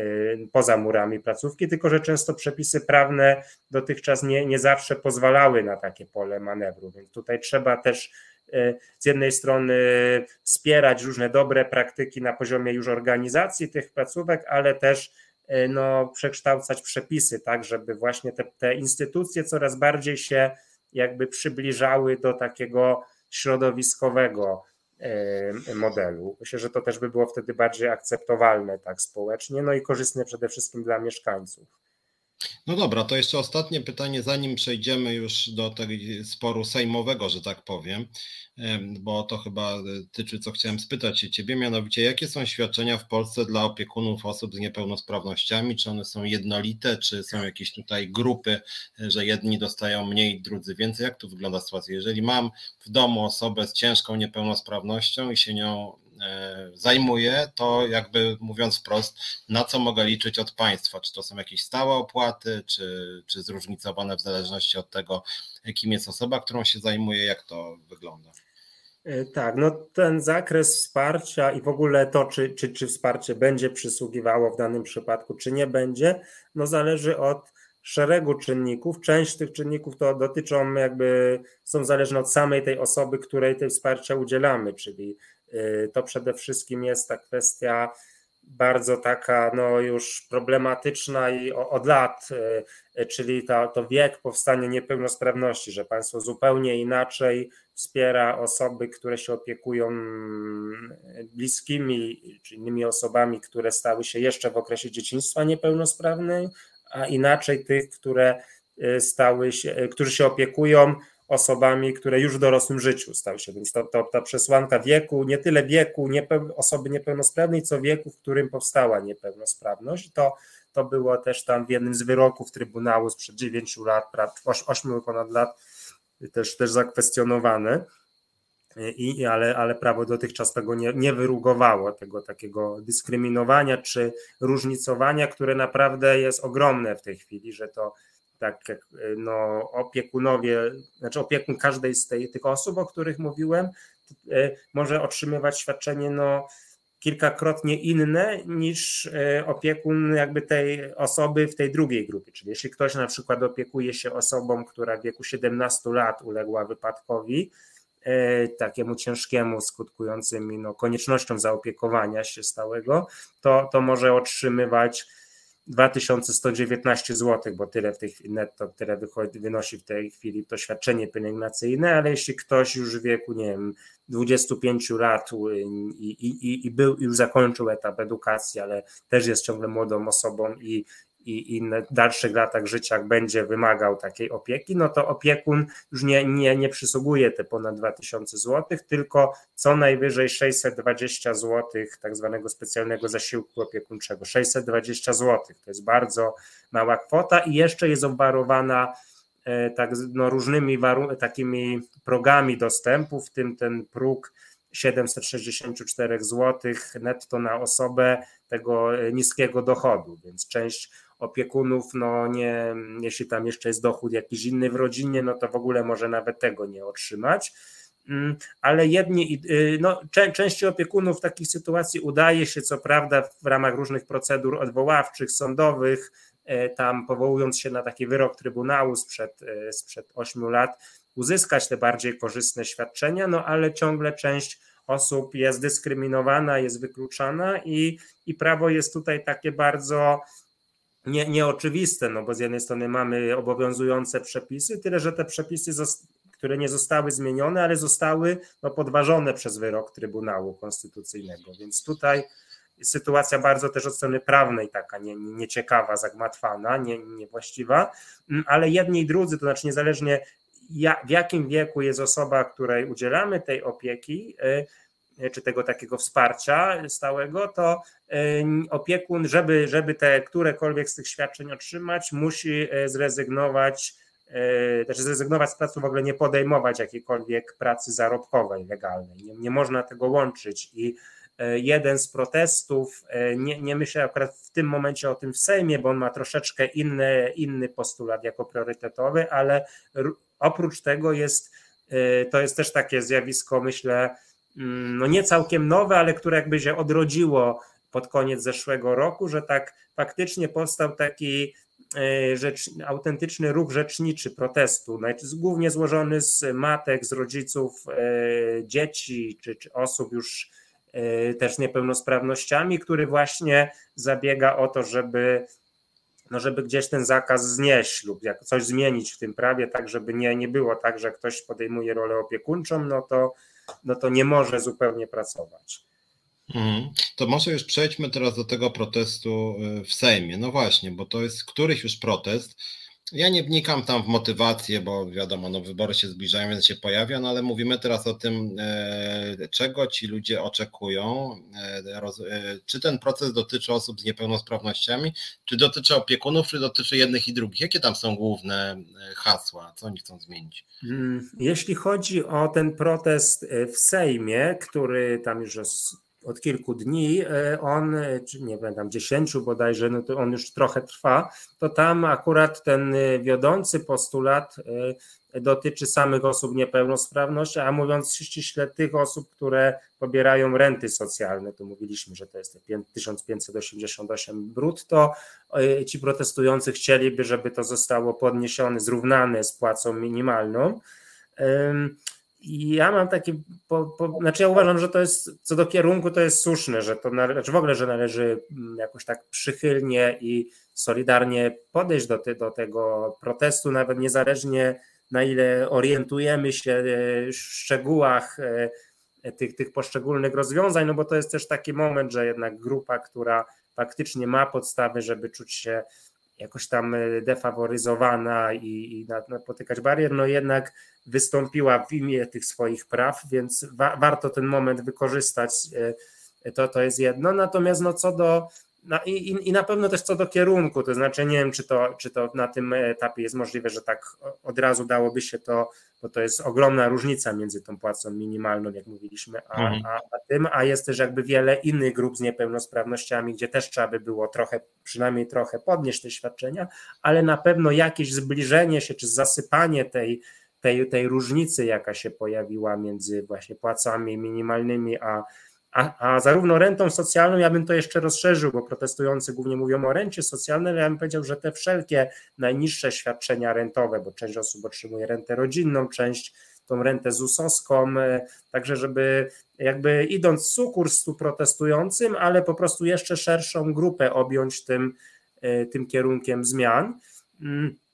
Natomiast no jest jeszcze równolegle, właściwie pewnie jest tych grup, które mają trochę inne priorytety, jest jeszcze więcej, natomiast no naj, najbardziej jakby widoczne, głośne to są teraz te dwie grupy, czyli ta, która walczy właśnie w Sejmie o tą rentę socjalną, no i ta, ten drugi ruch, który walczy o to zniesienie zakazu dla opiekunów. Tam z kolei nacisk jest dla na, na, nie tyle nawet na wysokość, co na zasady pobierania świadczeń dla opiekunów i też, więc to są jakby dwa protesty, ale też ja nie jestem, nie, nie uważam, że należy je jakoś przeciwstawiać, czy czy, czy absolutnie konfliktować. Zresztą przedstawicielki tego, tego pierwszego protestu e, na rzecz zniesienia zakazu pracy od początku, jak się pojawił protest sejmowy, który szczerze mówiąc był dla części środowiska takim dość zaskoczeniem, że on akurat teraz wybuchł, mhm. to wy, wypowiadały też wiele takich pozytywnych słów odnośnie tego, że to nie, że, że, że, że też e, tamten protest zasługuje na poparcie, tylko po prostu trochę innymi drogami, ale idziemy w tym samym kierunku do walki po prostu o, o, o, o godność i tych osób i, i, i ich bliskich. To może teraz jakie są, bo wiem, że ze dwa dni temu pojawiły się jakieś e, propozycje rządu. E, no właśnie, czy widziałeś się, bo tam no, e, rząd chciał jedno świadczenie zabrać i drugie chyba dać. No właśnie, o co tam chodzi w tych pomysłach rządowych? W mm. deklaracjach na razie, bo to tam mogą sobie obiecywać, no ale powiedzmy, jakby zaufajmy im na chwilę. Tak, znaczy to jest dobrze, dobrze, że o tym, o, tym, o tym właśnie wspomniałeś. Też ja staram się akurat do tego, mimo że mam no i temu rządowi, poprzednim dużo zarzucenia, jeśli chodzi o różne zaniechania, to uważam, że jak się pojawia ta pro, propozycja, to warto tak w sposób nieuprzedzony po prostu analizować plusy, minusy.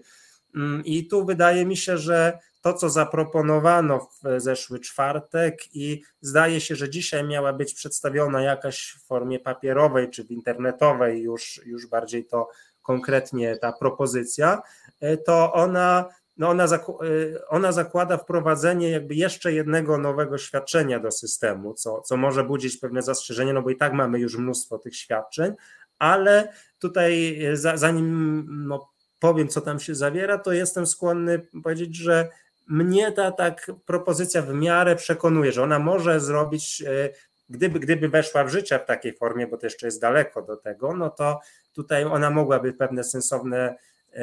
jakieś tam, część, część problemów mogłaby przynajmniej złagodzić. I teraz powiem o co, o, co, o co chodzi w tej koncepcji, jak ja ją przynajmniej zrozumiałem. Więc tu zakłada się, że powstałoby takie nowe świadczenie, tak zwane wspierające, które jakby nie, zastąp, ono nie, nie zastąpiłoby tych świadczeń, które są rentowych, które otrzymują te osoby, mm, ale byłoby no, przyznane osobom z tymi niepełnosprawnościami, niezależnie od wieku i wieku powstania niepełnosprawności, e, jego wysokość byłaby zależna od, e, od jakby stopnia takiej sprawności funkcjonalnej. Tu miało być prowadzone takie nowe, nowe, nowe jakby narzędzie oceny tego wzorowane na hiszpańskich rozwiązaniach które to by było różnicowane. Ta grupa, która najbardziej jest taka potrzebująca w świetle tej skali, miałaby w 2024 otrzymać te kolejne w kolejnych latach. No niestety to się trochę rozkłada na lata i biorąc pod uwagę, że nie wiadomo w ogóle jak kto będzie rządził w tym czasie, no jest to trochę niefortunne, to znaczy wolałbym, żeby ta propozycja, która padła, padła na przykład rok wcześniej, kiedy jeszcze mogliśmy sobie spokojnie poza takim trybem wyborczym i niepewnością z tym związaną e, o, o, tym, o tym rozmawiać. Natomiast sama właśnie no, idea jest taka, żeby było to nowe świadczenie właśnie nie dla opiekuna, tylko dla osoby z niepełnosprawnością, ale i zależne od stopnia potrzeb, y, od poziomu potrzeb i pozwalające oczywiście też y, jakby wynagradzać tą rolę opiekuna, mimo że nie byłoby ściśle opiekunowi przyznane. To można by było wtedy wydać czy na opiekuna z osób bliskich, czy na opiekuna zewnętrznego, czy jakiś wariant mieszany, bo tak Zresztą nawet wydaje mi się, że w wielu przypadkach takie mieszane rozwiązania są dobre, że trochę się opiekują bliscy, trochę się opiekuje ktoś z zewnątrz, że, że nie jest to tylko na jednej osobie spoczywa. E, ale tu jest jeszcze jedna ważna rzecz, że ten, to rozwiązanie w świetle tej koncepcji nie pierwotnej nie, nie, nie, nie pozbawiałaby świadczeń tych opiekunów, którzy dziś pobierają świadczenie pielęgnacyjne. To znaczy, że e, jeśli ktoś miałby wprawdzie otrzymywać to, to nowe świadczenie, no to nie można byłoby godzić tego ze świadczeniem pielęgnacyjnym dla opiekuna, ale jeśli ktoś na przykład nie chciał, w jakiejś rodzinie ktoś nie chciałby z tego skorzystać, tylko chciałby zachować dotychczasowe świadczenia, no to tutaj te prawa nabyte byłyby jakby respektowane. Co więcej, te osoby, które pobierają świadczenie pielęgnacyjne, a więc ci opiekunowie, którzy no nie mogą w dzisiejszym stanie prawnym pracować, yy, znaczy prawo im na to nie pozwala, mieliby tam do pewnego limitu mhm. możliwość uzyskiwania dochodu. Więc jakby o tą grupę trochę też E, no jakoś tam zwrócono uwagę na ich sytuację. I e, dlaczego ja uważam, e, tu pewnie im dłużej będziemy to analizować, mogą wychodzić jakieś, jakieś haczyki czy coś, co co, co, co trzeba będzie krytycznie ocenić. Natomiast ja oceniam pozytywnie takie trzy elementy tej, tej propozycji. Po pierwsze, zresztą część tych protest, nie tyle protestujących w Sejmie, ale ta druga grupa też z jakimś w miarę kredytem zaufania do tego pomysłu podeszła, bo tu wydaje mi się, że są trzy takie plusy. No, po pierwsze to, że mm, udało, że byłoby jakieś nowe świadczenie. Ono właśnie tu powiem, że to no, pomysł zakłada, że w przypadku tych osób najciężej niepełnosprawnych to by była wysokość dwukrotności mm, renty socjalnej, więc to więc jakby te osoby oprócz renty swojej socjalnej czy innego świadczenia, które otrzymują, mogliby jeszcze dostać e, te, te dodatkowe, dodatkowe środki, więc byłoby to jakieś, jakieś podniesienie ich e, sytuacji. No drugi plus jest taki, że to by było trochę pójście zgodnie z tym duchem konwencji, czyli że wsparcie idzie na osobę i jego wysokość jest uzależniona od poziomu potrzeb, czyli to y, raczej można, niektórzy mówią, że to jest taka funkcja kompensacyjna, czyli że świadczenia nie są nawet stricte socjalne, czy nie są y, za coś tam innego, tylko właśnie funkcją świadczeń pieniężnych jest kompensowanie tych dodatkowych potrzeb i kosztów, które za sobą pociągają. No i trzeci, e, e, trzeci, trzeci plus, taki, który wprawdzie nie jest wprost wyartykułowany, ale mi się wydaje, że jest też ważny, to jest to, że e, pośrednimi beneficjentami mogliby być ci opiekunowie, którzy, właśnie ci wykluczeni opiekunowie, o których wcześniej mówiliśmy. To znaczy, że jeśli na przykład ktoś się opiekuje osobą, na przykład starszym rodzicem, prawda, czy takim wymagającym już opieki niepełnosprawnym, no to w tej chwili no, może liczyć na ten opiekun, jeśli zrezygnuje z pracy tylko na te 620 zł, a gdyby to nowe świadczenie weszło, no to Mm, no to e, w przypadku takiej pełnej zależności od opieki, jak rozumiem, ta osoba, ten pod, ta osoba otrzymująca opiekę no, otrzymywałaby tą dwukrotność renty socjalnej, no i ten opiekun mógłby tymi, tymi środkami no, dysponować tak, żeby tą opiekę zapewnić. Więc dzisiaj dostaje 620, a tak by dostawał wprawdzie nie bezpośrednio na siebie, ale na tą opiekę, mogąc sobie też bardziej tym dysponować i mogąc ewentualnie pracować. Więc mi się wydaje, że jeśli, jeśli dobrze oczywiście rozumiem tą koncepcję, bo być może coś, coś przeoczyłem, ale starałem się to tak w miarę wnikliwie te wszystkie e, takie punkty też sporne e, wychwycić, to wydaje mi się, że pomysł nie jest, nie jest najgorszy, nie rozwiązuje oczywiście wszystkich problemów, ale jakby nie, nie dyskredytowałbym na starcie, tylko raczej bym zachęcał do tego, żeby jakby dalej e, no, domagać się po pierwsze przedstawiania konkretów, dalszej dyskusji, no i też zadawania pytania właśnie o te szczegółowe różne kwestie, które już się pojawiają lub będą pojawiać. Tak na koniec pytanie jeszcze, y, co, co ty byś od siebie dorzucił? Znaczy ja nie mówię, oczywiście nie ma żadnego tu złotego środka, żeby jednym stryknięciem palca rozwiązać wszystkie problemy osób z niepełnosprawnościami. Zresztą nie oszukujmy się, no Często są to osoby, których no po prostu medycyna nie pozwala rozwiązać ich wszystkich problemów, no mówiąc wprost też. Ale tak kierunkowo to jakie, jak, jak, jakbyś ty miał wpływ e, na decyzję rządu, czy był w rządzie, to jakie byś rozwiązania tak możliwie szybko rekomendował właśnie na tym obszarze i osób z niepełnosprawnościami ich opiekunów? Hmm. No, oprócz tych kwestii świadczeń pieniężnych, bo tutaj to poszedł na tym etapie, przynajmniej poszedłbym w kierunku tego, co zostało, to znaczy jakby doskonalenia i poprawiania tej koncepcji, co została przed chwilą przedstawiona, to poza tym na pewno potrzeba zbudowania, e, upowszechnienia, uczynienia z takim rozwiązaniem systemowym usług asystenckich. Są systemy jak Szwecja, Szwecja chociażby, ale też niektóre inne krajowe systemy, gdzie ta asystencja e, osób z niepełnosprawnością jest wręcz takim podstawowym filarem, czyli że osoba w różnych, e, to nie tylko chodzi o rynek pracy czy o opiekę właśnie, ale też o, o jakieś inne sytuacje życiowe, że to pozwala normalizować życie tych osób w społeczeństwie i, i to właśnie służy tej niezależności życia. Chociaż mam akurat mój jeden przyjaciel, który jest e, też osobą, jest akurat osobą niedowidzącą i jest aktywny na rynku pracy i, i, i osoba jest w dużej mierze, że, że znaczy jest właśnie w pełni samodzielny, twierdzi, że że, że jednak takie opieranie tej, e, e, znaczy takie nadmierne koncentrowanie się na usługach asystenckich, a nie na znoszeniu jakichś innych barier, to też niekoniecznie jest dobry, dobry kierunek, no bo to, bo to powoduje, że, że, że cały czas się myśli o tych osobach w kategoriach, że ktoś musi asystować, ktoś musi pomagać, mhm. no ale są różne oczywiście przypadki. Są osoby takie, które właśnie dopiero dzięki temu wsparciu asystenckiemu mogą ten swój potencjał E, uczestnictwa zrealizować. Więc na pewno usługi asystenckie, na razie one działają w formie takich programów rocznych, konkursowych, nie wszędzie, więc ważne by było, żeby to było w miarę wszędzie dostępne i też jakby w różnym, znaczy w szerokiej skali, w sensie, że w zależności od potrzeb można by było dużo tych godzin asystenckich i też dotyczących różnych funkcji. Też to takie wsparcie o charakterze wytchnieniowym, czy takie no, opiekuńcze, bo to E, bo, bo wydaje mi się, że ta grupa niepełnosprawnych, który, z osób z niepełnosprawnościami, które ma bardzo te złożone potrzeby, jednak wymaga takiego wsparcia nie tylko ściśle asystenckiego, ale właśnie złożonego, złożonej pomocy opiekuńczej, żeby też te usługi czy wytchnieniowe, czy, czy, czy też specjalistyczne opiekuńcze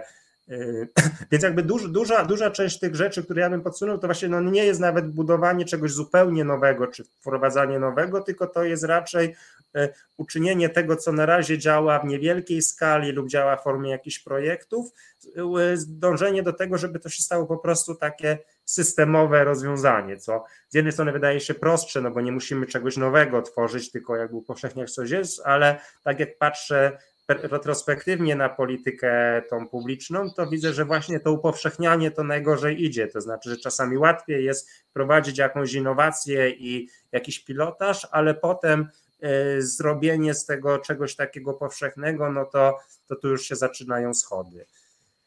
Dobra. No dobra, to bardzo, bardzo Ci dziękuję. E, pogadaliśmy sobie o sprawie, moim zdaniem, bardzo ważnej społecznie. Zresztą też sami wy, wyprowadźcie wnioski, spróbujcie też potem po tej naszej rozmowie spojrzeć też na to, co się dzieje w Sejmie i sami jakby ocencie tą sytuację. Ja bym od siebie dorzucił, że ja w ogóle co do zasady jestem gorącym zwolennikiem aktywizacji zawodowej wszystkich obywateli. Możliwie nie zawsze się da, ale wskaźniki aktywizacji zawodowej w ogóle w Polsce są niskie, szczególnie kobiet. To jest inny temat, ale właściwie część tego samego, że w Polsce pojęcie aktywizacji zawodowej w zasadzie chyba nigdy nie było traktowane specjalnie serio, co zawsze mnie bolało. jako jestem jakby takim socjaldemokratą, który uważa, że aktywizacja zawodowa jest dobrem samym sobie i rzeczywiście w Polsce mało kto się tą sprawą zajmuje. Dobra, bardzo Ci dziękuję. Dziękuję również. No, bardzo Ci dziękuję, a my sobie zróbmy krótką przerwę. Sporo rozmawialiśmy, ale jak zrobimy przerwę 4 minutki, to jeszcze będziemy mieli co najmniej pół godziny, więc chciałem Wam powiedzieć, co tam słychać w SI, co tam słychać w ZUS-ie, co tam słychać z Patrykiem Wegą, co tam słychać z kampanią wyborczą, e, co tam słychać z 500, z Janem Pawłem II, mnóstwo tematów. Dobra, zróbmy krótką przerwę i zaraz wracamy. No i wracamy. Piotr Szumlewicz, Czas na Związki. Witam Was ponownie. E, no i teraz chciałem kilka rzeczy, e, kilka rzeczy e, powiedzieć, które się dzieją na bieżąco. Najbardziej bieżącą sprawą, słuchajcie, jest to, że wyobraźcie sobie, że mniej więcej chyba 4 godziny temu, chyba dobrze liczę, wysłałem list do pana Zbigniewa Ziobry. Wysłałem to jako lider związku, generalnie jako, jako e, dziennikarz czy jako obywatel. No, trudno mi z panem Ziobrą trochę korespondować, no ale tak się składa, że pan Ziobro jest ministrem sprawiedliwości, w związku z tym instytucjonalnie w niektórych sprawach trochę nie mam wyjścia. Podobnie jest prokuratorem generalnym. No i właśnie, e, napisałem do pana Ziobry w sprawie Si Polska, a napisałem w sprawie Si Polska z tego prostego względu, że słuchajcie, e, Ministerstwo Sprawiedliwości jest partnerem Si Polska. E, dłuższy czas o tym nie wiedziałem, dopiero trochę poczytałem, porozmawiałem z naszym liderem Si Polska, Krystianem Kosowskim, no i się okazało, że faktycznie Mm, współpracuje z panem Ziobrą, czy z Ministerstwem Sprawiedliwości, to nawet chyba od 2014 roku, jak sobie wyczytałem na stronie CI Polska, więc zarządów Platformy Obywatelskiej i PSL-u jeszcze ta współpraca się zaczęła. Skądinąd co ciekawe, co ciekawe, e, pan Nito generalnie PiSu bardzo nie lubi deklaratywnie, nawet kiedyś tam ich nazistami nazywał, a metody ma takie bardzo pisowskie, jak chodzi o, mm, o działalność wsi i w ogóle taką mentalność ma podobną do Ziobry właściwie, jak już mielibyśmy porównywać, więc napisałem list do pana ministra sprawiedliwości, do Ziobry jako ministra, a nie jako prokuratora generalnego. Myśmy zgłosili zresztą, nie wiem czy pamiętacie sprawę do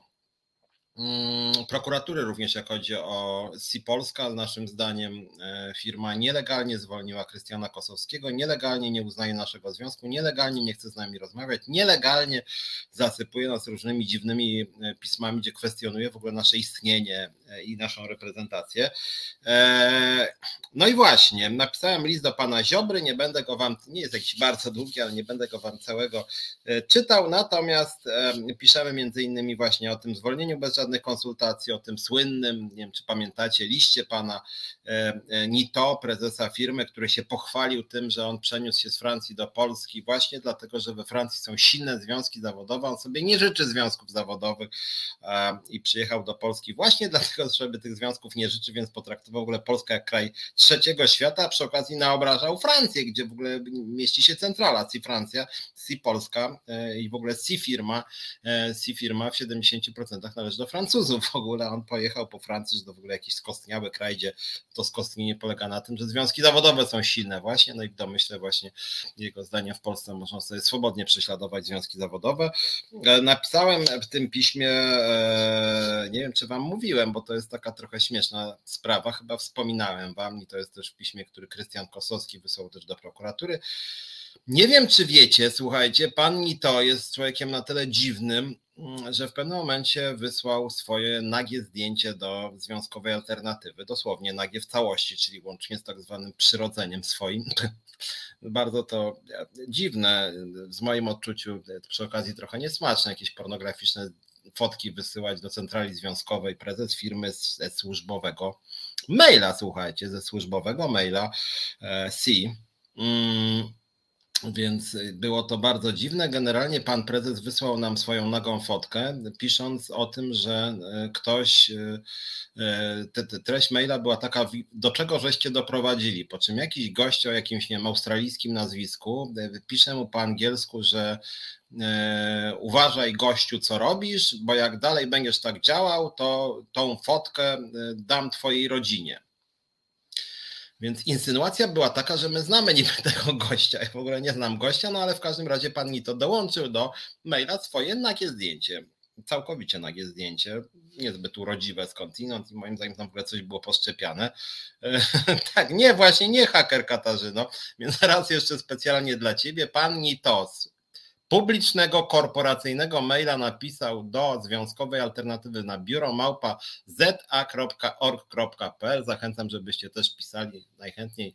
e, żebyście wstępowali do nas na ten mail, właśnie się pisze, czy jak macie jakiś problem, też możecie napisać. I wysłał na ten mail pismo, e, jakby DW, dając do informacji naszej, że jakiś gość o nazwisku, nie wiem, John Smith powiedzmy, no nie tak się nazywał, ale tego typu, że tak powiem, z jakąś końcówką, nie wiem, australijską czy kanadyjską, w każdym razie brytyjskojęzycznym, któremu napisał ten gość rzekomo, przynajmniej to było w tym mailu, ty uważaj, bo jak będziesz się dalej tak zachowywał, to dam, dam żonie twojej rodzinie tego, to, to zdjęcie wyślę. No i generalnie załączył to zdjęcie, w którym był nagi pan Nito chyba, albo część była jakoś że tak powiem, sztucznie dołączona. Trudno mi powiedzieć, o co chodziło. E, insynuacja była taka, że to niby chyba my jesteśmy winni, że ktoś do niego takiego maila, ja nie wiem, czy to jakiś jego kochanek, czy kochanek żony, czy, e, czy ktoś, kto mu potajemnie zdjęcie robił, czy ktoś po prostu zmontował jego zdjęcie, no jakiś wygłup generalnie, ale słuchajcie, to, że facet, prezes dużej firmy, korporacji, wysyła do centrali związkowej swoje nagie zdjęcie z jakimiś insynuacjami, no to jakby coś bardzo dziwnego trzeba mieć w głowie. No, a to jest właśnie prezes si Polska, takie numery rzeczywiście wyczynia. Jeżeli ktoś go szantażował, to w ogóle powinien na policję chyba iść, czy do prokuratury, e, a nie się chwalić nam swoim nagim zdjęciem. Bardzo to jest dziwne, no ale w każdym bądź razie, w każdym bądź razie tego typu pisma również przesyłał nam pan Nito, insynuując nam w ogóle, że my za tym stoimy, więc również o tym napisaliśmy do ministra sprawiedliwości. Więc niech się tam panowie o tym porozmawiają. Natomiast uważam też, że dla dobra Polska naprawdę Francuzi powinni tego ni to wyrzucić, bo to jest no moim zdaniem totalnie kompromitujące takie numery. Mm, no właśnie, tak jak Katarzyna pisze, psycholog nie tylko w szkole, ale w zakładzie pracy. No tu by się może przydał panu Nito również jakaś jego nienawistne, jakieś jego nienawistne podejście do związków zawodowych, yy, związkofobia jakaś występuje u pana Nito, no ale też ta, ta naga fotka no nie świadczy o tym, że, że jest z nim dobrze. Są ten list, gdzie on tam mówił, że przeniósł się z Francji do Polski właśnie dlatego, że we Francji są silne związki zawodowe i również to rozesłał, no to to jest jakaś bardzo dziwna strategia komunikacyjna. No, jakby jeżeli on tak samo pisze do partnerów swoich biznesowych, no to nie zazdroszczę, że tak powiem. Dziwne bardzo, że ktoś w ogóle tam z takim gościem rozmawia. No ale może nas sobie tak wybrał i do nas tak pisze. E, widzisz Tomaszu, że Tomasz Szyndralewicz że kolej zdaje się ma zwierzchników gdzieś na świecie i kontrahentów, kolportaż fotki rozbawi do kolki w boku. No tak, znaczy tak jak mówiłem Tomasz, on ma C e, Polska, to jest, to jest e, część firmy C, gdzie 70% udziałowców y, to są Francuzi. NITO ma 30% z Polska, więc oni go mogą odwołać. Moim zdaniem gość, który takie numery robi, że no nie tylko, że rozsyła jakieś nagie fotki z jakimiś insynuacjami, bo to śmieszne bardziej, no ale ośmieszające firmę, ale przede wszystkim wywala człowieka z pracy za to, że założył związek, jeszcze się tym chwali, że do Polski, do kraju innego się przeniósł właśnie dlatego, że można tutaj źle traktować y, związkowców. No to, to dla mnie totalnie kompromitujące, więc moim zdaniem. Znaczy być może oni chcą go e, wyrzucić, ale, no ale nie wiem, może oni czekają, żeby nie wyszło, że związek zawodowy go zwalnia, ale dla mnie facet jest strasznym obciążeniem dla firmy, więc moim zdaniem to jest obciach. No tak uważam, że to jest postać totalnie skompromitowana, ten Nito. Ja już ja uważam, że na początku mógł to rozwiązać znacznie lepiej, ale najwyraźniej nie słuchał doradców, kiedy by po prostu przywrócił Krystiana Kosowskiego do pracy, zrobił wspólną konferencję z naszym związkiem i powiedział, że się pomylił i chce naprawić sytuację wyszedł bez kryzysu PR-owo, a tak to z tego co wiem stracił nawet kilku klientów i brnie generalnie w zaparty. Cały czas dostałem jakieś dziwne pisma w ogóle od Polska. Nie wiem czy mówiłem tydzień temu o jednym piśmie, a my tak jedno pismo na tydzień co najmniej dostajemy. Kolejne pismo dostaliśmy, że CI Polska twierdzi, że Krystian Kosowski nie jest naszym członkiem, że oni będą nam wyrzucać, kontynuują tą narrację, że oni nam będą wyrzucać człowieka ze związku zawodowego. To ja mówię, ludzie, Krystian Kosowski jest naszym członkiem, nasza sprawa, nic wam do tego, nie, ani nie, panie Piotrze, on do was nie należy. Ja mówię, należy. Nie, nie należy. Ja mówię, jak wy możecie nam mówić, że nie należy, tak jak ja bym powiedział, że pan Nito wcale nie jest prezesem C Polska, bo ja tak uważam, nie? No więc bardzo dziwna to jest firma. Ten, ten, znaczy nie tyle firma, co dziwny jest zarząd firmy i podejście do pracowników jest chore, w związku z tym jak nas oglądają państwo z Francji, a ktoś, może kto ich zna przynajmniej, to naprawdę wyrzućcie tego gościa, mm, bo to nie jest rozsądne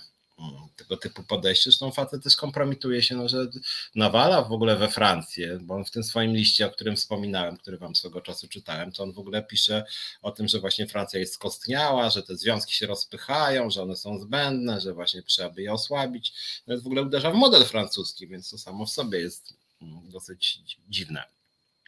No więc jedna rzecz to jest, to się działo ostatnio, to jest C, mm, C Polska, i napisaliśmy ten list do Ziobry, a spółka bez przerwy do nas pisze jakieś dziwne groźby, jakieś, jakieś insynuacje, jakieś, jakieś skargi przeciwko nam, pisma do sądu i tak dalej, więc o tym między innymi jest to pismo do Ministerstwa Sprawiedliwości. Druga sprawa, krótko już, bo mówiłem o tym tydzień temu sporo, czy dwa, mianowicie kwestia związana z kręceniem zdjęć do filmu Patryka Wegi. Jak pamiętacie, Związkowa Alternatywa wystąpiła do Inspekcji Pracy z wnioskiem o kontrolę, dlatego że agencja, która mm, nagrywała właśnie zdjęcia e, do filmu Patryka Wegi, płaciła 11 przepraszam, 11 zł na rękę za godzinę, 11 zł, a płaca minimalna w Polsce wynosi co najmniej 18 zł, bo w ramach umowy mm, o zlecenie, tyle w ramach e, stawki godzinowej, tyle to właśnie e, wynosi. 22,80 e, brutto z tego co pamiętam, tak? Czyli około 18 zł na rękę. Tymczasem pan Wega, ta agencja, którą sobie tam podnają jakoś, płaci 11 zł, tak? 130 za dzień zdjęciowy, a dzień zdjęciowy to jest 12 godzin. W związku z tym to są naprawdę strasznie małe pieniądze, a facet, facet lubi się obnosić ze swoim przepychem, jest milionerem, więc to w ogóle jakieś żenujące. Tak jak ja bym nie wiem, pultał się, że nie mogę 5 złotych, 5, e, 5 złotych dać na piwku w restauracji. To moim zdaniem dla niego e, te podniesienie stawek z 11 na 25 to tak jak dla mnie te 5 złotych. No więc jakby wstyd. Uważam, że psuje sobie też właśnie facet wizerunek. Ja w ogóle nie rozumiem, dlaczego ci bogaci ludzie aż tak aż tak się kompromitują, tak Vega, jak i ten cały Nito. No, mają jakieś kupę kasy, płyną w tej kasie, mają wysoką pozycję dosyć, no, mają dużą rozpoznawalność, mają jakiś tam kapitał społeczny, jakichś swoich wyznawców, a mimo to robią takie wstrętne rzeczy. Jakby kompletnie tego nie rozumiem, muszę wam powiedzieć, że to jest jakiś dziwny e, zwyczaj e, tych, tych firm, bardzo, bardzo jakiś niefajny. No i należy im się kara, mówiąc wprost. No, moim zdaniem e, jakby szkodliwość społeczna ich czynów jest bardzo wysoka, ponieważ są to ludzie rozpoznawalni. Też pan Nito jest właścicielem Polonii Warszawa, no Patryk Wega, no to w ogóle jakby znacie gościa, nie? Może pik sobie z jego filmów, ale rozpoznawalność ma dużą. W związku z tym w momencie, kiedy on łamie przepisy prawa pracy, czy agencja, którą on współpracuje, no to szkodliwość społeczna jest jakby tym większa, że no, że idzie to w świat, że jeżeli Patryk Wega może, to każdy sobie mówi, no to ja też mogę łamać przepisy prawa pracy, tak? Więc, mm, więc tutaj bardzo nam zależy na tym, żeby inspekcja pracy tą sprawę szybko zbadała mm, i żeby rzeczywiście Wega dostał po prostu karę i jasne stanowisko. Inspekcja pracy przysłała nam już trzy dni po naszej skardze pismo, że tą sprawą się zajmie, czy już się zajęła. W związku z tym no, czekamy, mamy nadzieję, że szybko sprawa zostanie rozstrzygnięta. Te zdjęcia już były kręcone do tego filmu Wegi. Z tego co wiem, nie podniósł tych stawek, szedł w zaparte, więc e, zobaczymy. Jednocześnie jako związkowa alternatywa muszę Wam powiedzieć, jako lider dostałem kilka e, maili. Hmm od ludzi, którzy pisali, że również w innych właśnie agencjach filmowych, aktorskich y, też właśnie płacono bardzo mało, poniżej płacy minimalnej, że często nawet były to jeszcze niższe stawki niż uwagi, czyli nawet 80-90 zł za 11-12 godzin pracy, czyli skandalicznie, strasznie mało. No więc y, zrobimy wszystko, aby tą patologię ukrócić i mamy nadzieję, że ten rozgłos yy przyczyni się do tego, że te stawki, przynajmniej dla statystów, zostaną jakoś podniesione. PiS bardzo lubi mówić właśnie o tym, że zarządów Tuska to było 4-5 zł za godzinę, no a tymczasem takie 11 Patryka Wegi to właściwie jest odpowiednik 4-5 sprzed 12 y, czy tam 11 lat. Więc warto, warto o tym e, pamiętać. E, czy, aha, czy jest powodem do domu, że ktoś dobrze płaci? Katarzyna pyta Zaręba Niedźwiecka. No, są nieliczne firmy, które tam się czasem chwalą, że dobrze płacą. Natomiast w Polsce w ogóle nie ma takiej kultury jawności płac, tak? Ja jestem gorącym, jak wiecie, zwolennikiem jawności płac, całkowicie nie mam nic do ukrycia tutaj. Zresztą nie zarabiam dużo, wielokrotnie tutaj na antenie mówiłem, ile zarabiam mm, i w związku, i poza związkiem łącznie. Mm, obecnie trochę mniej zarabiam ze wszystkich źródeł, mniej niż płaca średnia wynosi, więc nie, nie, nie jestem baronem związkowym. Natomiast w Polsce e, no jest taka kultura tajności tak naprawdę, tak? Co więcej, są takie firmy, w których wręcz grozi się pracownikom za ujawnianie wysokości pensji, tak, że to jest w ogóle jakaś tajemnica handlowa, to, że ile człowiek zarabia w danej firmie, więc to w ogóle jest już jakieś takie skrajnie nietransparentne, tak? Ja, jak mówię, jestem zwolennikiem jawności płac, jawności finansów organizacji zaufania publicznego, jawności konkursów, jawności procedur, wysokich wymagań kompetencyjnych, to zawsze w bloku mówię, bo taki pakiet na rzecz jawności, transparentności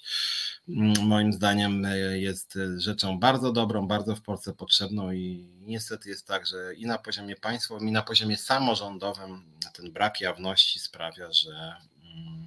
jest mnóstwo patologii, po prostu rozdawanie stołków, rozdawanie kasy, marnotrawienie środków publicznych, bardzo zróżnicowane pensje na tych samych stanowiskach, również w instytucjach państwowych. Sam się z tym stykam e, w ZUS-ie, skarbówce, wśród pracowników cywilnych policji, na poczcie. No bardzo, bardzo te pensje bywają rozstrzelone, jak mówię, nawet na tych samych stanowiskach dla pracowników o zbliżonym stażu pracy, więc nie ma podstaw do różnicowania. A mimo to te pensje czasem się różnią nawet o 2000 zł, więc naprawdę w Polsce ten rynek pracy jest niesprawiedliwy i ta niesprawiedliwość często wynika właśnie z braku transparentności, braku jawności. No więc to kolejna sprawa. Mm, następna kwestia, którą w ostatnich dniach, właściwie wczoraj czy przedwczoraj, ukazał się na wiadomościach handlowych taki bardzo obszerny ze mną wywiad na temat e, handlu w niedzielę i na temat pracy w niedzielę szerzej, bo dla nas to praca w niedzielę, nie tyle handel w niedzielę jest kluczowy. Jak wiecie, ja jestem gorącym zwolennikiem zniesienia tej ustawy Solidarności o handlu w niedzielę. To jest bubel prawny moim zdaniem. Ja nie rozumiem, jak można być związkowcem i tego bronić. Czasem w tym programie tego wracam, więc nie chcę się jakoś powtarzać. Natomiast generalnie rzecz biorąc, ostatnio mieliśmy zaraz pięciolecie chyba ustawy o handlu w niedzielę, tej ograniczającej handel w niedzielę i skutki tej ustawy są takie, że mm, sporo małych sklepów pobankrutowało, straciły też hipermarkety i galerie handlowe, a zyskały dyskonty i stacje benzynowe. E, jedno i drugie to jest segment rynku pracy, gdzie się źle traktuje pracowników, gdzie ceny są bardzo wysokie, gdzie nie ma żadnych kontroli inspekcji pracy, dominują umowy śmieciowe i właściwie jest wolna amerykanka. Więc generalnie jest to stratne dla wszystkich. ja bardzo lubię wracać do ustawy o handlu w niedzielę, jakby ktoś nie czytał. Warto ją przeczytać, warto przeczytać uzasadnienie i tam czytamy, że celem ustawy w ogóle nie jest to, żeby ludzie nie pracowali w niedzielę, wręcz przeciwnie, autorzy ustawy Autorzy ustawy o ograniczeniu handlu w niedzielę piszą, że dzięki tej ustawie e, ograniczenie pracy w hipermarketach i galeriach handlowych będzie zrekompensowane tym, że więcej osób zatrudni się w ramach samozatrudnienia i będzie pracować w niedzielę właśnie w tych małych sklepach. I to jest w ustawie. Czyli w samej ustawie czytamy, że wypchniemy część siły roboczej z e, hipermarketów do małych sklepów osiedlowych do małych sklepów osiedlowych, gdzie warunki pracy są o wiele gorsze, gdzie jest o wiele więcej patologii, gdzie nie ma limitów czasu pracy, gdzie ludzie często pracują 7 dni w tygodniu, gdzie czasami pracują 60 godzin tygodniowo,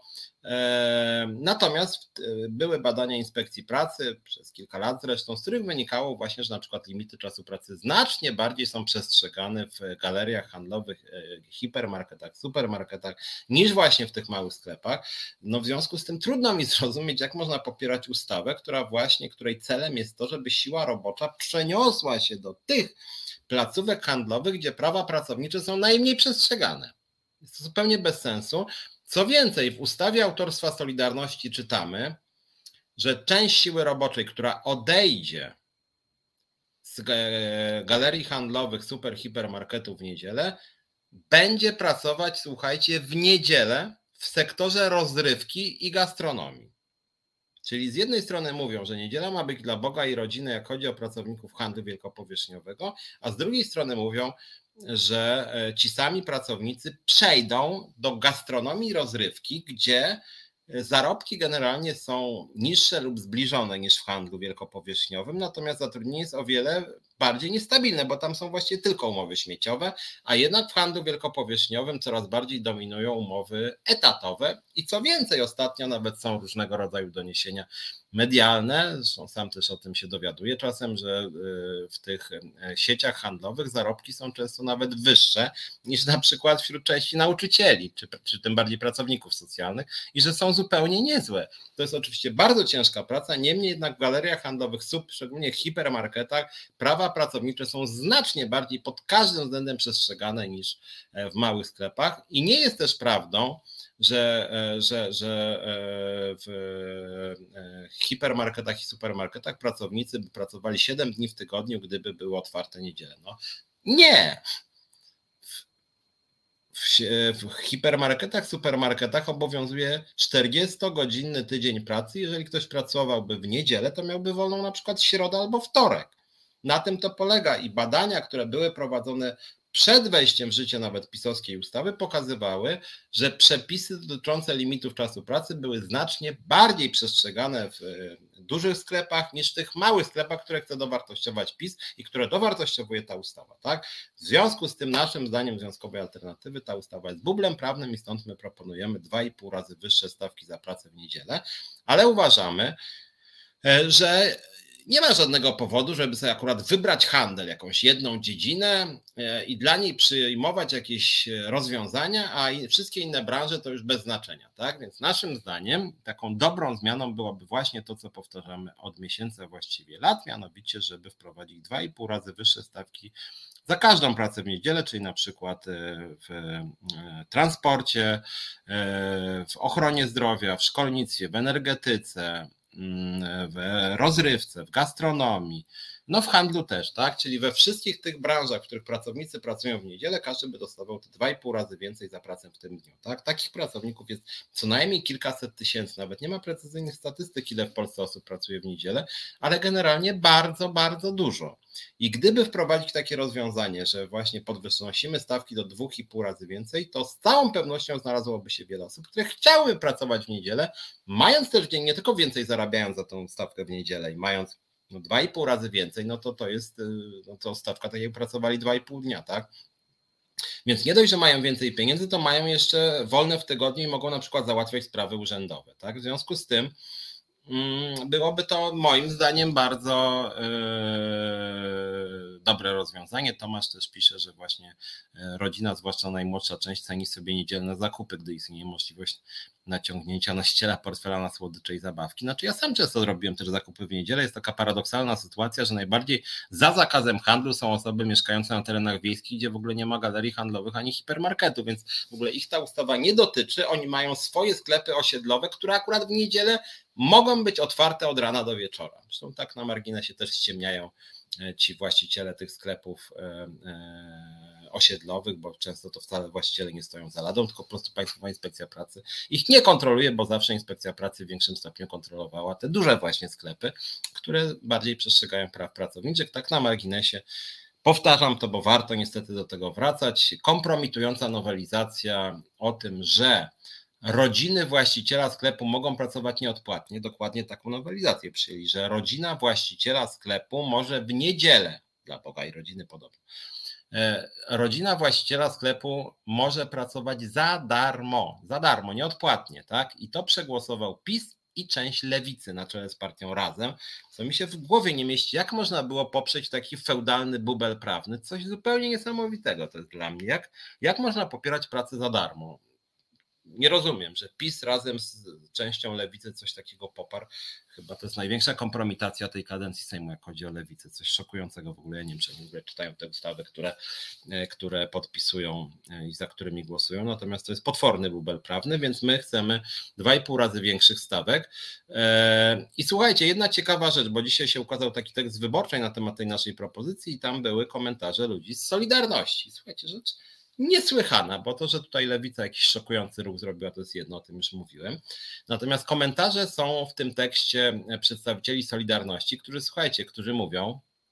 że nasza propozycja tych dwóch i dwa i pół razy większych wynagrodzeń za pracę w niedzielę jest nierealistyczna,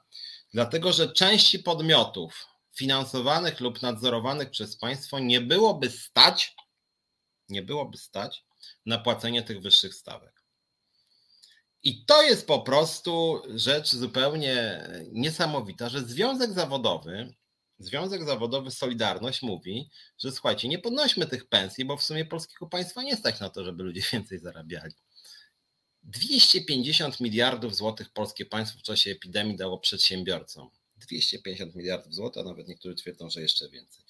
Tymczasem nawet Związek Zawodowy Piotra Dudy twierdzi, że danie ludziom wyższych wynagrodzeń za pracę w niedzielę, mówię o tych sektorach państwowych, czyli tam nie wiem, energetyka, ochrona zdrowia, szkolnictwo, e,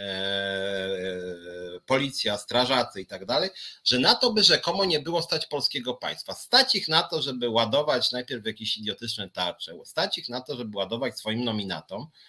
a nie stać ich na to, żeby podnieść ludziom pensję za pracę w dniu ustawowo wolnym od pracy. To jest dla mnie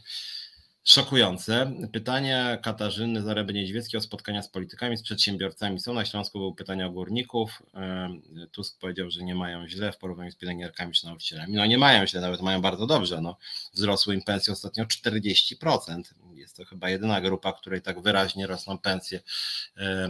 realne również, nie tylko nominalne, znacznie szybciej niż inflacja. E, czy jakieś środowiska zawodowe zapraszają polityków e, na spotkanie, jak było na przykład na spotkanie Tuska z kobietami w Pszczynie? Mm, to znaczy, e, Białe Miasteczko zapraszali polityków, teraz na trasie nie powinno być jakiegoś spotkania. To znaczy, Katarzyno, to jest, to jest troszkę inaczej. To jest generalnie tak,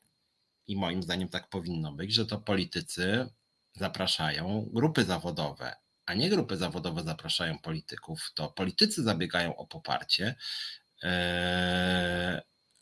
a nie odwrotnie. Ja wielokrotnie jako lider Związkowej Alternatywy pisałem do wszystkich polityków 460, że ja ich proszę o wsparcie, o pomoc, że ja mam dla nich ciekawą inicjatywę i jak już o tym mówimy, tu w resecie obywatelskim apeluję do 460 posłów, słuchajcie, poprzyjcie propozycję Związkowej Alternatywy, 2,5 razy wyższe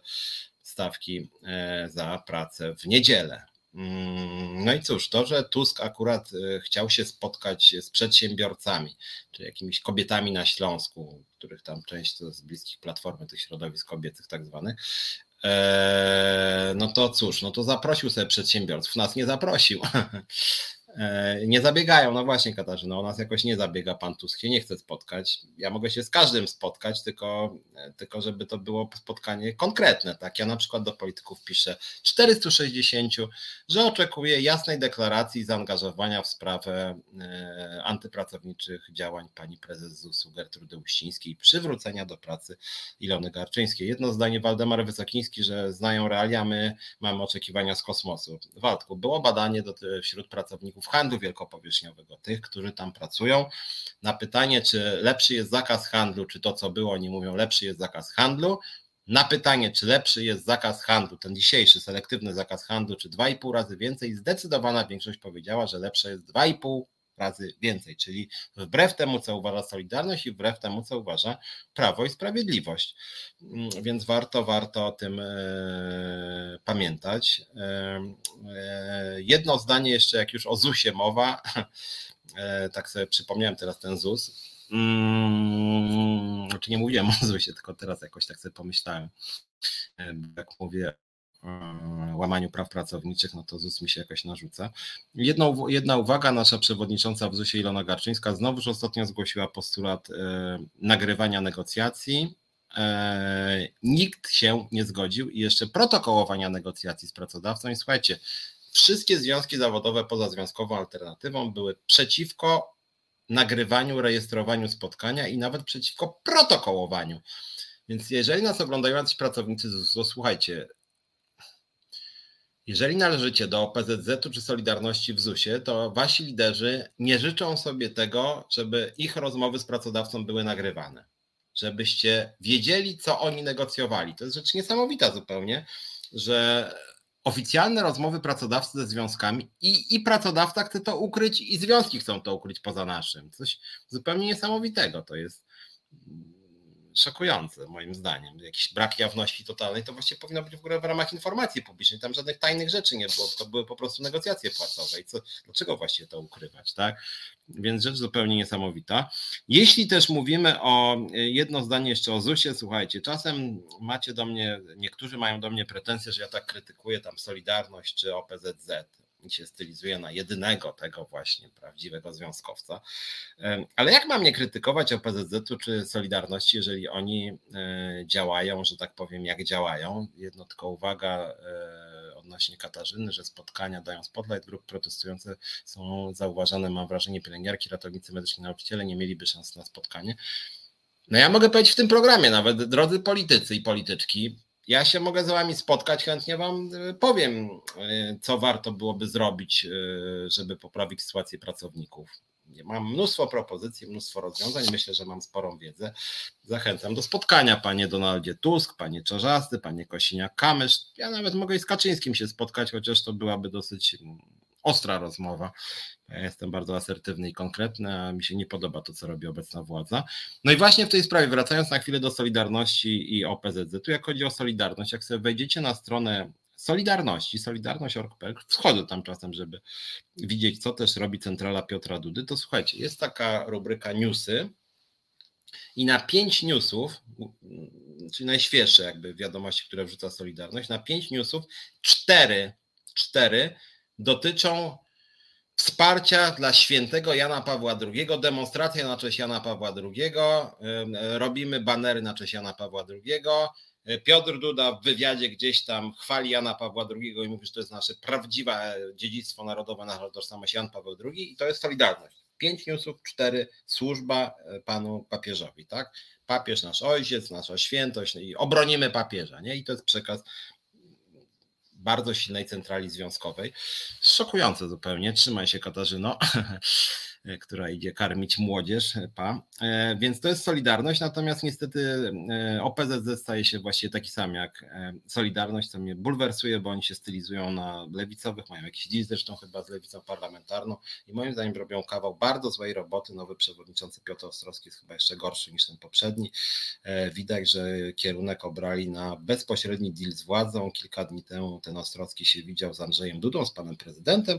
i powiedział po spotkaniu, że prezydent ma ma świetne wyczucie do spraw pracowniczych, że świetnie się z nim w ogóle rozmawiało, że widzi bardzo perspektywę na e, owocną współpracę. No więc cóż, jeżeli pan Andrzej Duda jest propracowniczym prezydentem, no to ja wymiękam po prostu. Gdybym ja się spotkał z panem Dudą, do czego nie aspiruję specjalnie, to mu wprost powiedział, czy czy może Pan w czymkolwiek pomóc? Pisałem do Pana pięć razy w sprawie sytuacji w Zakładzie Ubezpieczeń Społecznych. Czy coś Pan zrobi w tej sprawie? Nie? No to dziękuję, do widzenia. Ewentualnie. Czy może Pan jakoś sprawić, że podwyżki w budżetówce, które wyniosły w tym roku skandaliczne 7,8 przy inflacji rzędu 14, w zeszłym 4,4 przy inflacji 14, czy może Pan zrobić coś, żeby podwyżki w budżetówce były przynajmniej 20, czy przynajmniej może Pan powiedzieć, że jest Pan za tego typu rozwiązaniem? Nie? To dziękuję.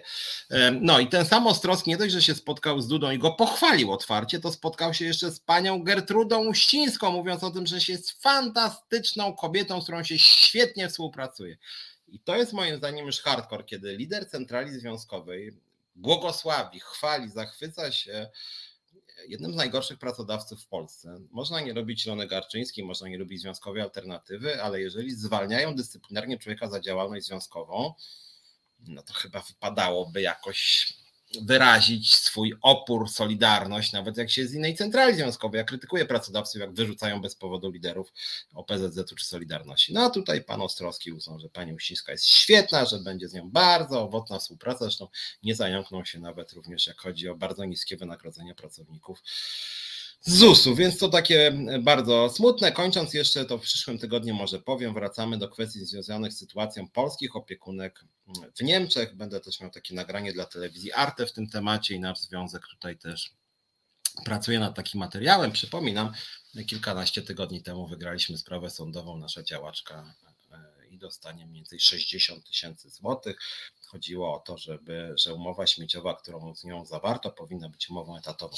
Dobra, słuchajcie, musimy kończyć za 5 siódma. Trzymajcie się, widzimy się w piątek razem z Wojtkiem Krzeniakiem o 20.30, a ja Was zapraszam w przyszłą środę o 17.00. Trzymajcie się na razie.